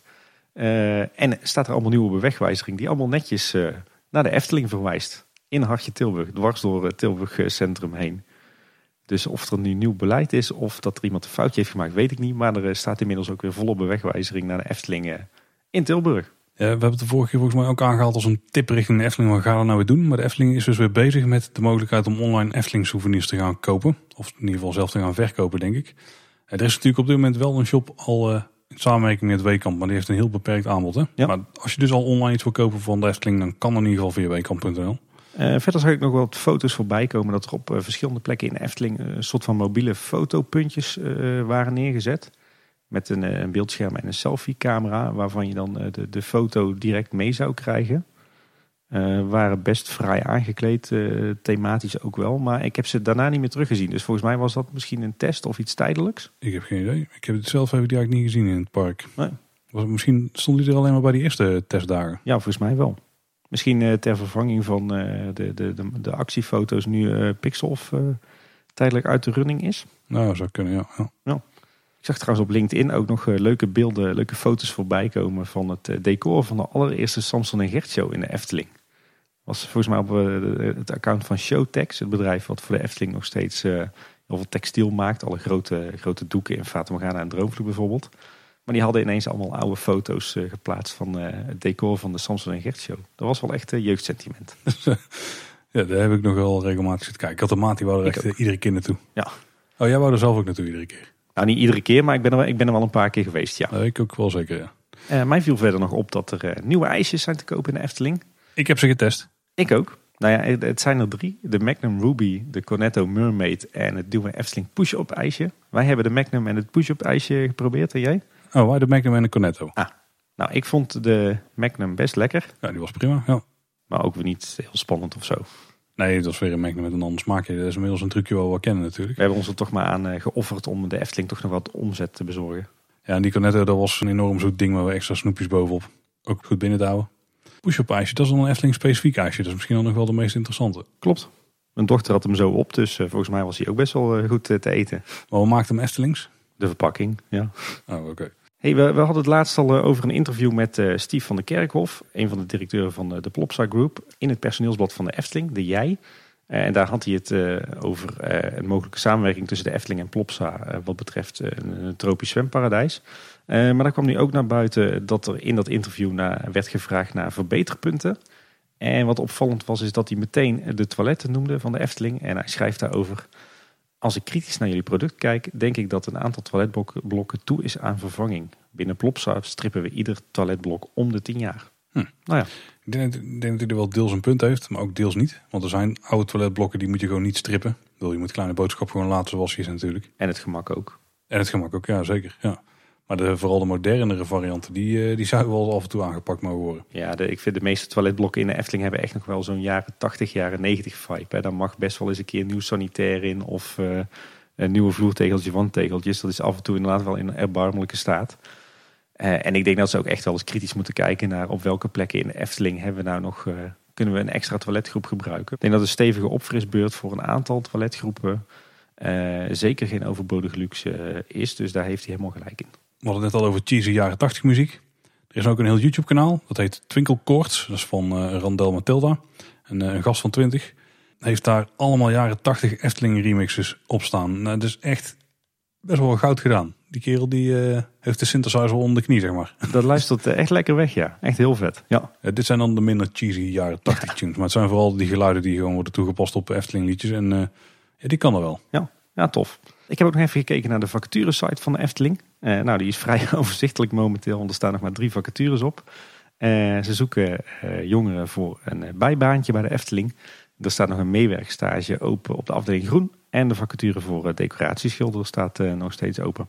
En wat nog wel opvallend was, er kwam in één keer een nieuwe tekening van Tom van der Ven naar boven. Dat was niet een tekening die hij had gemaakt voor de Efteling, maar dat was een tekening die hij had gemaakt voor Duinrel. Had namelijk in 1986 eh, een soort interactieve wensbron met een hele grote kikker. Dus de Duinrel kikker had hij ontworpen. En dat was een relatiegeschenk voor het 50-jarig bestaan van Duinrel. En die ontwerptekening die was recenter opgedoken in een doos met oude spullen op Marktplaats. En een Duinrel verzamelaar heeft hij toen gevonden. En die dacht van, dit is toch best een bijzonder item wat erin zit. En eh, daardoor eh, weten wij er inmiddels ook van. Dat is heel tof. Check de link even in de show notes om die tekening te zien. Hey, dan zijn we alweer aanbeland bij... en dan nog dit, hè Paul? Ja, Hey Paul, jij bent, jij bent terug van een minivakantie, toch? Ja, ik zei de vorige keer al, we hebben het makkelijk met deze coronatijd, met de, de, de manier waarop wij wonen, zeg maar. Maar we hebben nog een ander gelukje. We hebben een camper gekocht eh, begin van het jaar. Toen dachten we eerst van, ah, dan kunnen we helemaal niet weg, want alles is dicht, overal beperkingen. Maar nu blijkt dat ook een van de weinige manieren te zijn waar je nog enigszins flexibel mee een soort vakantie kunt vieren in Nederland. Eh, want op heel veel campings ben je dan gewoon zelfvoorzienend. En zolang jij je toilet gewoon kunt legen en eh, water kunt tappen, dan, dan ben je eigenlijk gewoon al klaar. Want sanitair heb je zelf bij. Inmiddels twee campings afgegaan. Eentje toch wel helemaal in Drunen. Zo, Schaapskooi. Ja, ja, zeker. eind weg. Ja, dat was een eind weg. Om gewoon even te kijken hoe gaat het in deze tijd. En dat was best goed bevallen. Dus afgelopen weekend in de Biesbos gestaan. En maar verder gewoon, ja, ontspannen vakanties. Hè. Je kan niet zo heel veel doen, want er is verder niks aan eh leisure dingen open. Dus je kunt gewoon eh, wandelen, fietsen en de kinderen gewoon spelen op het gras. Maar het is gewoon eh, niet verkeerd om even thuis weg te zijn. Dus eh, ja, zo hebben wij wat weekendjes volgemaakt. Ook, ook de reden dat we wat vroeger opnemen nou trouwens. Want ook komend weekend staat er weer iets in de planning. Kijk, jullie nemen het er goed van. Groot gelijk. We hebben druk. Je maakt er het beste van. Of we maken het onszelf druk in ieder geval. en dan nog even meer standaard. En dan nog dit puntje. Een tip die ik echt wel aan iedereen moet geven. Er is een nieuwe YouTube kanaal. Danny is een van de initiatiefnemers daarvan. En dat is het kanaal Theme Park Science. Check even de link in de show notes om daar aan te melden. En die omschrijft zichzelf als de pretpark universiteit van Nederland. En het hele idee is daar eigenlijk dat ze eh, natuur kunnen gaan uitleggen aan de hand van een pretpark. En vooral aan de hand van achtbanen. Het gaat vooral op G-krachten in volgens mij. En hoe die werken en, hoe die... eh, ja, hoe die gebruikt worden in attracties om een bepaald gevoel te geven of om ervoor te zorgen dat überhaupt dat ding werkt. Maar het is een samenwerking met onder andere de TUF en eh, volgens mij ook een natuurkundige. Dus heel groots aangepakt. En volgens mij wordt het een hele toffe, nou, hele toffe serie. Ja, Ja, toffe beelden. Heel veelbelovend. En een leuk, leuk concept. zeker. Ja. Ja. Jij Tim, wat heb jij allemaal nog gedaan de afgelopen weken? Ja, ja, hier gaan we langzaam maar zeker weer naar een soort van normaal leventje. Eh, lekker in de Efteling geweest dus. Ook eh, naar de Beekse Bergen en naar Dierenrijk geweest. Twee favoriete dierentuinen. Eh, ja, zoals al eerder gezegd, beide keren ook een hele leuke dag gehad. Eh, wel zo met twijfels over de effectiviteit van de anti-corona maatregelen. Maar goed, dan mocht de pret niet drukken, want de, de sfeer was er wel goed. En we hebben ons ook bijzonder goed vermaakt. En ook voor de komende weken staan er nog eh, wel wat eh, bezoekjes op de planning. Dat is natuurlijk nu het voordeel, want nu, heb je, nu moet je je bezoeken reserveren. Dus dan weet je ook wat je gaat doen. Eh, zo gaan we nog naar Burgers Zoo in Arnhem. Nog naar uh, Ouwans Dierenpark in Renen. En we gaan nog naar Toverland. Dat zijn drie parken die hier in ieder geval op de planning staan voor de komende weken. Ook een beetje goed vergelijkend warenonderzoek ten opzichte van de Efteling.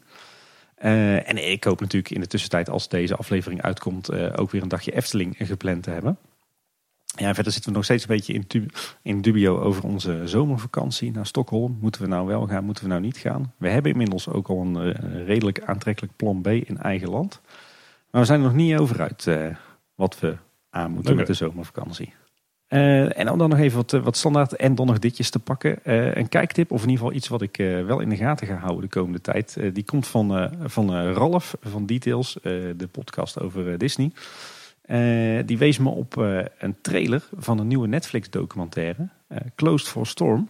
En dat, dat is een beetje een documentaire in, in de trant of in het, het, het, sfeertje zeg maar, van Tiger King. Een documentaire die ik ook heb verslonden. Alleen gaat deze over het park Six Flags New Orleans. Het is van oudsher een, een, echt een beetje Efteling. Ja, niet Efteling. Dat is, van oudsher was dat echt zo'n zo'n lokaal parkje. Eh, eh, wat op een gegeven moment is overgenomen door Six Flags. En, en zo is groot geworden. Eh, maar na zeg maar Katrina, waarbij heel New Orleans onder water kwam te staan, is dat park verlaten, nooit meer open gegaan en helemaal leeggeroofd door Six Flags. En een groot schandaal. En dat wordt natuurlijk smakelijk in beeld gebracht door en voor Netflix. Dus ik kijk er erg naar uit om die docu te gaan kijken. Is die voor Netflix? Ik dacht dat die gewoon op YouTube werd uitgebracht. Oké, nee, ik dacht dat het, eh, de, de trailer staat op YouTube, maar ik dacht dat dit een Netflix eh, wordt. Het is in ieder geval een documentaire door Brightson Films. En die maken wel YouTube-video's over ehm, ja, gesloten attracties en volgens mij. En parken. Nou, het zag er in ieder geval veelbelovend uit. Zeker ook omdat ik natuurlijk fan ben van eh, parken met een beetje een corny eh, achtergrond. Dus eh, lijkt me zeker een aanrader. Ga ik, eh, ga ik kijken.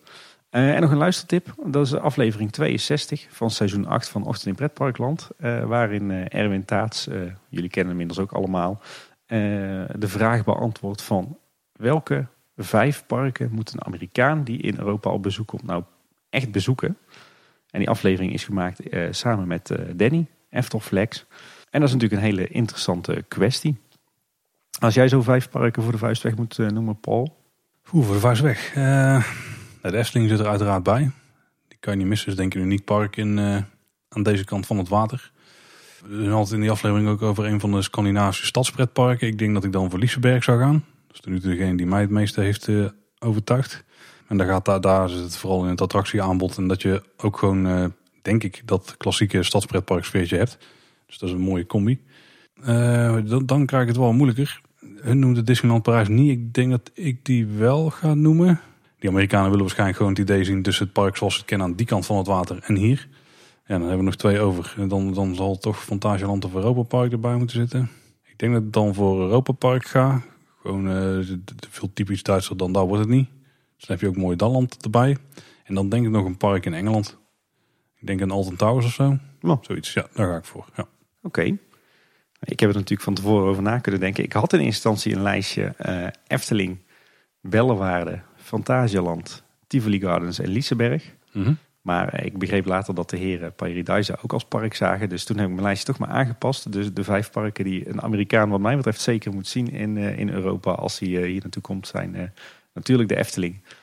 Paradise, Fantasieland, Tivoli Gardens en Liseberg. Maar dat zal geen, geen verrassing zijn, want dat zijn ook zo'n beetje mijn all-time favorite parken. En wat mij betreft ook schoolvoorbeelden van typisch Europese pretparken met een, een rijke geschiedenis. Ja, dan zijn we aan het einde van de aflevering gekomen. Gaan we nog even één mailtje behandelen. We hebben een uitgebreide reactie gekregen op de quiz. Dan weten de mensen die niet mee hebben gedaan iets meer wat daar allemaal is eh, gebeurd.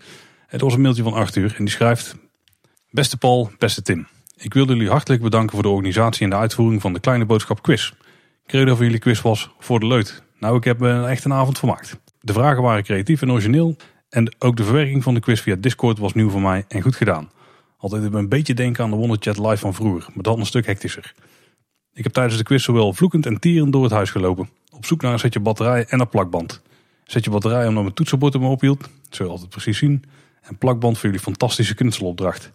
Maar ik heb ook tranen met tuiten gelachen om het zooitje geregeld op Discord server en om de resultaten van de knutselopdracht. Zo was er iemand die op een McDonald's hamburgerdoosje eenvoudigweg ingang Fabula had getekend. Geniaal. Of de emoji-opdracht, waar één antwoord zowel wisselstroken, Europalaan of Carnaval Festival kon zijn. Ook heb ik regelmatig gedacht aan de regie in Kaatsheuvel. Hoe zou het daar zijn op dit moment? Het nakijkteam. En Paul, die razendsnel een oplossing moest verzinnen omdat antwoorden ook geëdit bleken te kunnen worden. Hebben jullie ook een leuke avond gehad? Uiteraard werd de belofte, de quiz is voor 11 uur afgelopen, niet ingelost. En gelukkig maar, want dat zou een tegenvaller zijn geweest als er iets van kleine boodschap op tijd klaar zou zijn. Mannen, bedankt voor de organisatie nogmaals. Ik kijk uit naar het volgende avondje, zoortje geregeld. En ik heb nog één ding geleerd. Zorg voor een rolletje plakband en een schaar in huis. Je kan er zomaar de kleine boodschap quiz mee winnen. Groetjes Arthur. Nou Arthur, bedankt voor je uitgebreide mail. En volgens mij eh, hebben de andere luisteraars nu best een goed idee van wat er allemaal is gebeurd tijdens de quiz. Maar toch, wil je hem zelf spelen? Check even kleineboodschap.com slash quiz. Dan kun je binnenkort dus de vragen downloaden. Toffe mail Arthur. En inderdaad, uh, het nakijkteam hier in Kaatsheuvel had het uh, bijzonder druk. Want wij kregen uh, zeven keer tijdens alle opgaves van maar liefst ruim 70 teams alle antwoorden binnen in Discord. En vervolgens moesten we dat allemaal handmatig nakijken, waar dat we vervolgens maar 10 minuten de tijd voor hadden. Dus dat was behoorlijk stressen inderdaad. Maar we deden het graag en het was uh, super leuk om te doen. En Paul, voor ik het vergeet, alle credits voor de quiz gaan echt naar jou en naar jouw vrouw. Want ik denk dat 95% van alle tijd en moeite die erin was gestoken door jullie was gedaan. Ja, maar ik denk wel dat ongeveer 50% van alle stress bij jou zat met het nakijken, samen met mijn vrouw. dat is ook weer zo. het was een heerlijke vrijdagavond, ook voor ons. Het feit dat we die manier van nakijken hadden, dat maakte de quiz wel anders dan de andere quizzen. Dus dat was een beetje essentieel. Maar mochten we het nog een keer gaan doen, dan ga ik denk toch wel iets van software bouwen om het iets beter te ondersteunen. Het gaf ons wel de vrijheid om wat meer vrijere vragen en antwoorden te bedenken natuurlijk. Precies, daar zou ik er namelijk wel in willen houden. Ja. ja. Dan zijn we er doorheen. Um, heb je vragen voor ons, heb je reacties, uh, wil je klagen hoe lang de aflevering duurde, dan kun je dat op heel veel verschillende manieren doen. Het makkelijkste en snelste gaat via Twitter. Daar zijn we @kboodschap. Op eh, Facebook en Instagram zijn we Kleine Boodschap. En je kunt uiteraard ook naar de website gaan. Daar hebben we een contactformuliertje. Maar je kunt ook mailen naar info.kleineboodschap.com. Want de website is uiteraard kleineboodschap.com. En verder zijn we te beluisteren via alle podcast apps en via Spotify. Uh, en luister je ons, abonneer je dan zeker ook uh, op onze in podcast app. En uh, wat we ook altijd leuk vinden is als je een rating of een recensie achterlaat in bijvoorbeeld iTunes of Apple Podcast. En zo kregen we deze week een, een hele toffe korte van Kino. En die schreef... Even ontspannen, maakt niet uit welke je het eerst zou willen luisteren. Je gaat ze allemaal aftikken. Heren, dank. Nou, nou Kino, jou ook bedankt voor jouw eh, review. Heel tof. Nou Paul, dat was hem eindelijk voor deze week. Ik eh, ga naar bed Tim. Ik ook. Luisteraars in ieder geval bedankt voor het luisteren. Tot de volgende keer en houdoe. Houdoe war.